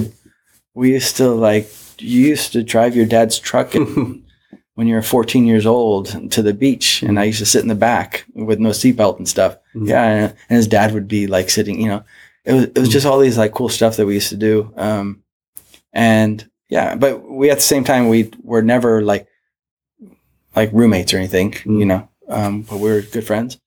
So then whenever he comes to Europe, Yeah. I just like hit him up and I, I tried to hit him up. I was like, Hey, how do I get a hold of Donovan? Cause I, I couldn't find his phone number in my phone. so I Mm. texted, I just put it out there to my friends and everyone's like, yeah, hit him up on social media. And I sent him a message on social media and he never got back to me. So then I sent a message to his sister and his sister's like, here's his phone number. And I was like, but that's the phone number I have, his old one. It's like, oh, wait. And then so I texted him, I'm like, Donovan. He's like, yeah. I'm like, this is the same phone number you've had for like the last 25 years. Yeah. You're coming to, he's like, yeah, hit me up when I'm in Stockholm and then we'll meet up. Okay. Yeah. And it's just like, so then I was like, yeah, let's go. You're going to be in Copenhagen. So cool. yeah, it was a fun night. Was it a good show? Yeah, I, yeah, it was Yeah. it was really cool. It's for me. Um, for me, I like his music, but it's very rewarding to sit there from the back and watch the crowd react to his music. Yeah. That's more rewarding. To listen to his music, it's like okay, cool, Yeah. but to see him influence or change people's like personalities or make people feel good, I'm like, dude, that is that's so awesome to see that. Just have your friend Yeah. like people rocking out and stuff. I'm like, oh, that's so cool. And people clapping and cheering Mhm. for him. And then, you know, he's like, hey, and I'm like, I used like, we used to just hang Yeah. out together, Yeah, you know? And, you know, and I, and I've have followed his music career Yeah. from day one. Like I used to, we used to go party up in Santa Barbara, which is like Central California. And he would play, um, at college gigs in houses in rooms like this. And he would Mhm. just like play a guitar and drums and stuff uh, with the drummer and in front of like 30 people, or we'd go to like a local fucking dive bar and he would get his foot in the door, and somehow they'd let him play, and he'd plug in, and he would be playing, and I was there, and I have pictures of him uh, before he was ever like famous musician, Yeah, yeah. And I don't see him as a famous musician. I see him as Yeah, Donovan. of like it's just since like you know him I don't, I don't, uh, I don't see him as like this. But I'm super happy for him Yeah. that you know. But he's kind of in the same uh, entourage or crew as Jack Johnson and Yeah. the guys as well, right? yeah, that whole generation. Yeah. no, exactly. Yeah. So yeah, he's yeah he's part of that whole Yeah. uh, generation of like the momentum generation. yeah. Cool. So and that's like I spent a lot of time with all those guys, Rob Machado, uh, the Malloy brothers. Um, done some really good trips with Kelly. How is Um, Kelly private? Kind Um, uh, he's kinda hard to- soon. Yeah, he's he's pretty competitive. He's he's like when I've done trips with him, he's he he doesn't really open up personally. He he's um I I don't know. He's he's okay. Mhm. Yeah. He is how he is. Like when you see him Yeah, on yeah. interviews and stuff, that's kind of how he is. He's professional and amazing surfer, but like my personality is more like friends with Donovan and like Mm. more outgoing and Kelly's very calculated on everything he does Yeah. and it's like to hang out with somebody always it's like calculating stuff and you're just like Mm-hmm. "Uh, yeah hmm which is cool that's Yeah. his that's his deal Yeah. Should we turn the view more towards where we are now in Sweden, so to speak? How? Yeah. I mean, uh, what do you think w- with your perspective from total and total different world to, to the Swedish Have you done surf some scene? pho- photography here? We heard about the Didin photo. yeah so i have photographed a lot in sweden um, especially before i had kids it's hard like we were talking about before it's hard to really be on the swells when you have kids and other obligations like work and stuff um, but i understand as a photographer or a media person or nowadays it's called the influencer or whatever i can help or i i like helping to make uh, sweden look good the surfing. So of course i haven't been doing it last lately um, but when i moved to sweden like always meeting up with freddie and uh, Freddie Freddie Meadows and like and Deeding and all these guys. Uh, uh, Deeding used to surf a lot more too. He doesn't surf that much anymore. No. Um, but yeah, I just know that like I have a camera and I can make it look good, and that's what I want to do. So I try to find all the best times and best swells and all that. I used to do that a lot. I have a pretty good library of photos, um, mostly southern Sweden, Mm.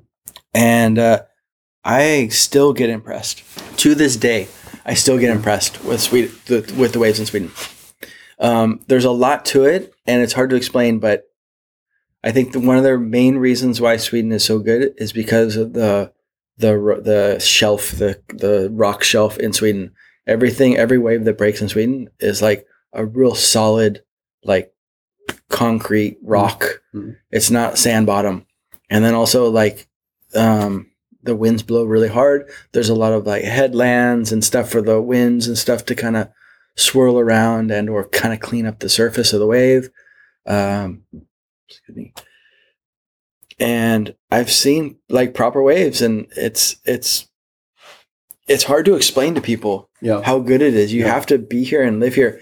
And it's only, but the thing is, it's only good for like maybe 30 minutes to a couple hours at the max. And it's amazing though. And that's what you remember. Yeah, you can't really plan for it. So No. And uh, hopefully, like, I try to get that in my photography and show people, like, look, this is Sweden or this is Scandinavia.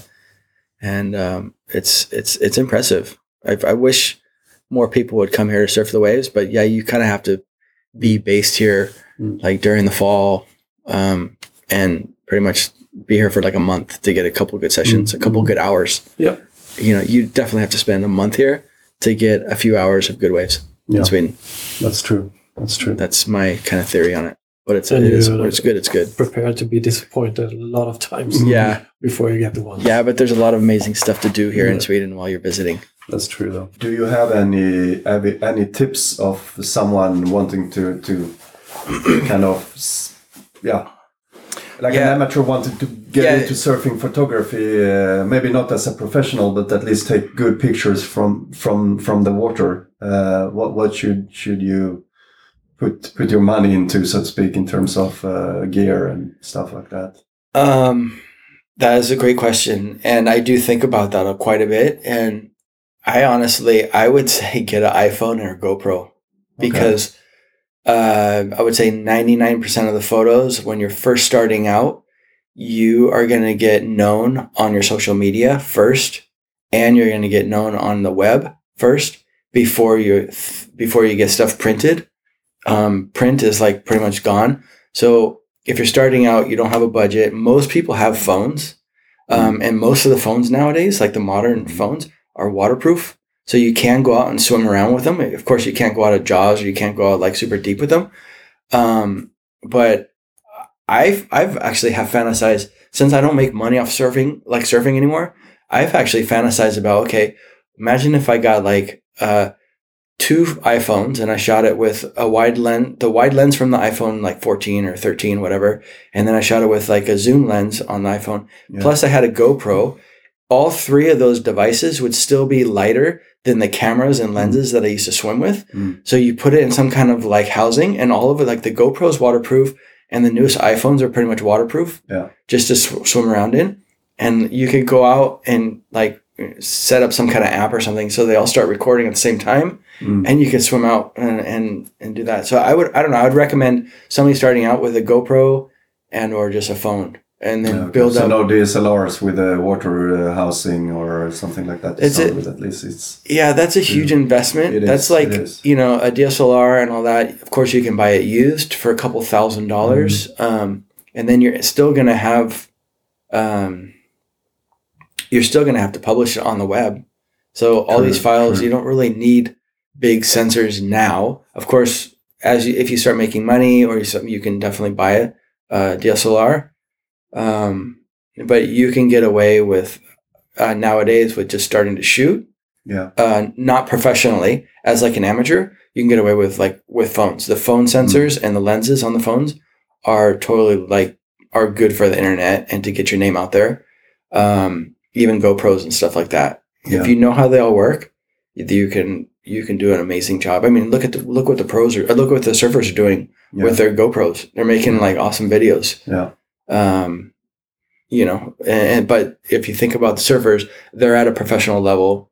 So yeah, the GoPros work good, but then they know at a professional level, you want to get other angles, other cameras, other lenses.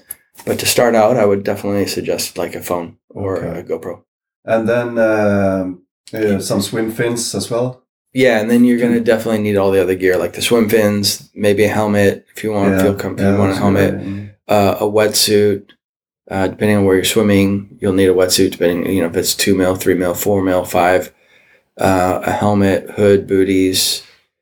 Um, yeah, and swim fins. Um, I most most of us use like the bodyboarding swim fins. We don't use like the long free dive fins because you need to be able to like what do you say gyrate your feet really fast with the long fins. It's hard to maneuver side to side and like sprint. They're kind of more of like designed for like just like a, a slow pace fins. But with this with like the bodyboarding fins, like the shorter ones, you can really like sprint and kind of uh, move around in the water really fast Yeah, to to get in and out of the wave and all that. So yeah, you definitely probably I would say some kind of bodyboarding fin. And definitely, I, one of the tips about fins is get something that fits your foot the best. Don't think about what how how the size or don't think about like what company it's made out of. Mm. If you have a really wide fit foot, try to find a fin that's like really wide that fits good. If you have like a narrow foot, try to find a fin that like kind of fits more of a narrower fit. Because you, if you don't have the, if your fin doesn't fit you right, then you get your feet all cut up and it's just Yeah, very yeah, uncomfortable yeah. and you then you want to get out of the water. Um, but if you can get really comfortable fins, then um, yeah, then it helps a lot. Talking about photography, you have one of your other passions uh, that I think we also share because Oh, yeah, I used to homebrew myself. the crafted cool. beer. crafted beers. yeah, so the craft beer. Um, okay, so I this is this is my this is what I have learned through my surf photography. I've traveled with um, or I've kind of grown up or followed surfers for like 15 years. And I've seen them as like amateurs or pro amateurs to become like pros and then become like world champs or some of the best in the world. And um, that's a long term project. That's a long term like document like documenting people or a generation of surfers. Um, so when I moved to Sweden, I met Marcus from uh, Brewski, who had just opened up his uh, brewery in Helsingborg, and I was trying to make it see if I can make it shorter. So I met Marcus in 2015 and I tried some of his beers. He introduced me to craft beer. I didn't really know what craft beer was. yeah, so I met Marcus in 2015. He helped me, like he's he kind of helped me out with uh, supporting an, uh, a film festival that I did, um, and I I visited him in the brewery and was taking pictures of him for the event, like social media to promote the brewery that was sponsoring us or supporting us. And I just met Marcus and uh, I, like our personalities connected, and he had me try this like this uh, pineapple I, this IPA that was made with pineapple pineapples, and he brewed this beer that was like that that he was that was like I tried this beer and he's like this is like has pineapples in it. I was like holy shit this is so good. Mm. And he goes, yeah, I, I have to, I started, the reason why I did pineapples and I'm brewing with fruit is because the hops we get in Sweden, this is back a while ago, are so shitty that he he he knew he could get the flavors out of the hops, but the hops that they were getting are not that good. So he Mm. started adding some fruit puree to bring out the flavor in the hops, and then that was kind of his niche. And then he started figuring things out. It was like, okay, people are liking this like mango beer and this this pineapple beer. Um, so yeah, the first beer I had was a pineapple, uh, I think IPA or APA, and that just was like opened my whole mind of like, Mm. holy shit. And he's like, yeah, and then try this beer, and I was like, wow. And then I just like, I just it just totally turned me on um, to a whole nother world. Also, like my wife and I going back, we when we were living in California, we would go to wineries, we would Yeah. go wine tasting. So I had like a little bit of idea of like different flavors and stuff like that. But moving to Sweden, the wines the wine industry back in 2008 was not really existent, and then you had like uh, the wines that we'd get in Sweden were all like European wines that were imported. And it was expensive compared to California. Like the prices in California and Sweden is like way back, Oh, yeah. way. Ni- so I kind of got turned off drinking wine, and then I started drinking beer uh, with with Marcus.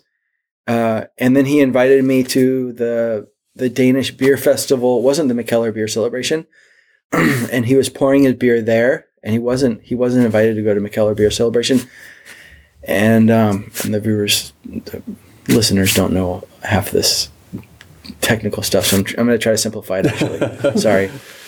So yeah, he invited me to a beer festival in Denmark that he was pouring beer at. He got invited to pour beer at, and uh, and then I and then he introduced me to other breweries, Danish breweries, and some of the Swedish breweries. Yeah, And then I took pictures of him again at that festival. And like Denmark is so photogenic. Like everything in Denmark is just photogenic. And I started like, okay, like this is kind of like a little bit of a culture, kind of a scene here. And then like uh, it reminded me of skate photography. Like, you hmm. know, like you see that you open up skateboard magazines and there's portraits of skaters. Yeah. They're standing next to concrete walls and the lighting is really cool with these big buildings and they're hmm. holding their skateboard and that's where I started getting the inspiration from. Is like these brewers are are gonna maybe be famous one day, or hmm. they're gonna be successful. Yeah. they might be millionaires or billionaires one day, but they're just home brewers like you. yeah. And it's like, I'm like, okay, what if I start documenting these guys hmm. when they start out? And so the, in 2015, I started like trying to meet as many brewers I can, going around and documenting them early in their careers. And I've been watching them grow over the last like six, seven years now. And it's really cool. And the first like three or four years, I would show up and they're just like, they were, everyone's really cool, but they were just like, it's just photos. And, and for me, I see a long term project Yeah. Uh, from like five to 10 to 15 years. And now finally, after seven years, like they're asking me, Hey, do you have that photo of me of uh, back when we went to the first Danish beer festival, this and that back in 2015? And it's like, yeah. I'm like, Oh, oh my God, look at this guy. Look how skinny this guy is. And look at this guy. Oh, this guy's dead, you know? And it's like all the, they're like bring back memories. I'm like, yeah, I'm documenting you guys now. Yeah. Like, and that's my little like more of a long term project. And I get a lot of inspiration from skate photography because there's always concrete around Mhm. and there's always like stainless steel. There's a lot of really cool like textures and stuff. So it still keeps my creative photography juices flowing. Um, and I and that's where I apply my photography skills to the craft beer industry. And at the same time, once again, like we're talking about how I'm a influencer or I'm a media guy, and I want to show the world like, look, this is what we're doing in Sweden and or Scandinavia, Denmark. These are the like famous guys. These are the guys that are doing it. Come drink beer here, and we have really good beer. So I'm trying to promote the Scandinavian beer scene as well. Yeah, that's that's that's pretty interesting. Yeah, and you came at, at the right time as well. I mean, 2015. It was even though may, maybe some people may, may say that it started even earlier. Mhm. Of course, people ha- did some some craft beer in, in the 80s and the 90s as well. But 2015 is when I think it's really took off. Definitely. Uh, I Yeah. don't know how if it's over 500 microbreweries nowadays in Sweden, but it's one of the countries in the world where it has the most exponential Mm. um, development of, of craft breweries. So yeah, that's impressive. I think it's, and I, I, I totally understand that you do this analogy towards surfing, Mhm. and, and, and and it's about creating something um, kind of artistic Yeah. in a way. Yeah, and that's like I feel It's, like um, I I want to make these guys look like rock stars, and some of Yeah. them are now. Yeah, yeah, Some of them like like especially Mikkel from Mikkeller. Yeah. I mean he's been famous for a long time, but it's cool to be able to like meet up with him and be like Michael, the light looks really cool right here. Can you have you stand?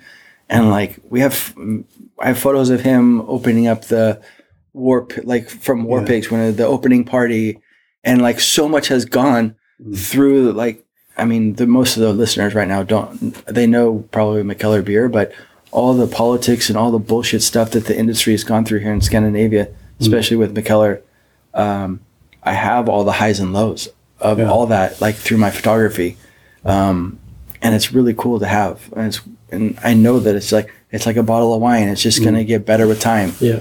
um, and more value and stuff. But you know, some are shitty and you want to throw out, just like a bottle, Yeah. normal bottle of wine. But um, yeah, that's a long term project, and I don't really and and oh, and going back to like, and now I'm starting to make money from it.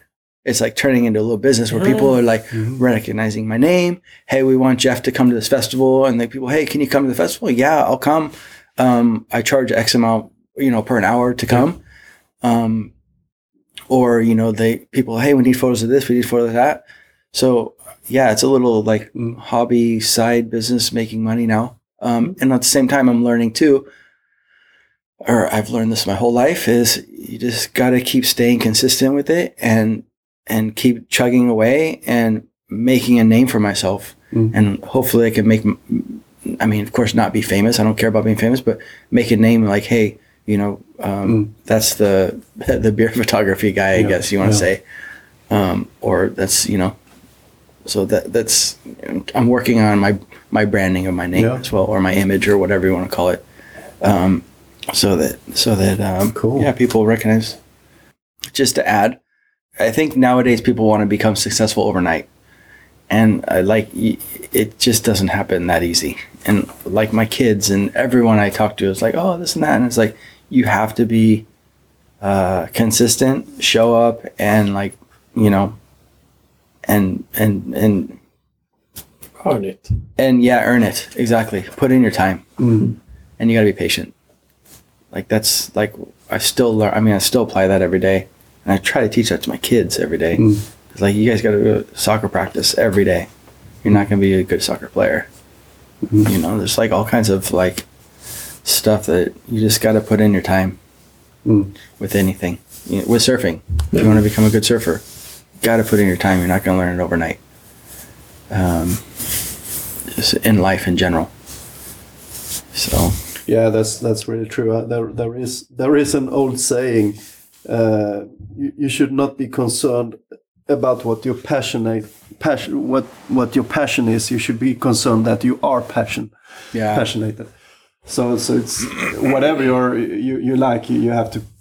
To, to, put your uh, time and effort in, and, Yeah. and as and I guess you do, as long as you feel it's it's fun, I guess. Um, Yeah. So So true. Thank you so much. Yeah, thank you. For if your you time. Thank you, Jeff. Yeah, it was a pleasure to have you here. yeah. We thought about you since we started the podcast, actually. Oh, Uh, cool. You were one of the guys we, we always had on our wish list. So I'm happy that we met at actually a, a brewery not Yeah. far away from Malmö Yeah. um, at the beer event there. But it was Nerd Brewing. We, we met up. Yeah, yeah. Yeah, exactly. That that was that was a cool opening. Yeah, exactly. But that goes but that goes back to like that was so important for me to go for my beer photography oh, yeah. to go to their first opening Yeah. because Nerd Brewing makes really good beer. They do. like they yeah, do, uh, worldwide. Imperial like- stouts and yeah, they're yeah, really good at. Uh, Hannah's is really good at making stouts. Yeah. and like I see them uh, as I see them, they could go somewhere in the future. And I have been documenting Hannah's um, for the last like four, three or four years, and that was the first time I've been to their new brewery, and for them to have a brew pub uh, or a tasting room yeah. is a huge step for them. And I was telling Chad, the his like partner and stuff, on you guys are gonna like do so much better now. Yeah. You're gonna make money, and you're gonna have money to buy more gear, more more brewing stuff, and you guys are gonna, you know, Yeah. and they just they're they're growing slow. They're kind of growing too slow, um, but they're growing at a pace that they want to. But it's really cool to document them. Yeah. And one day they could be like famous, and it'll be cool to like, do you remember when you used to be in like this little shitty Exactly. garage in Malmo? You know? It always starts in the garage, right? Two much. guys in the garage. yeah. But yeah, that's that. But yeah, that's that was great. That was important for me to make that. I told my wife too, and she's like, "Well, you're gonna, uh, yeah, you're gonna go to another beer thing. Yes, this one is important, honey.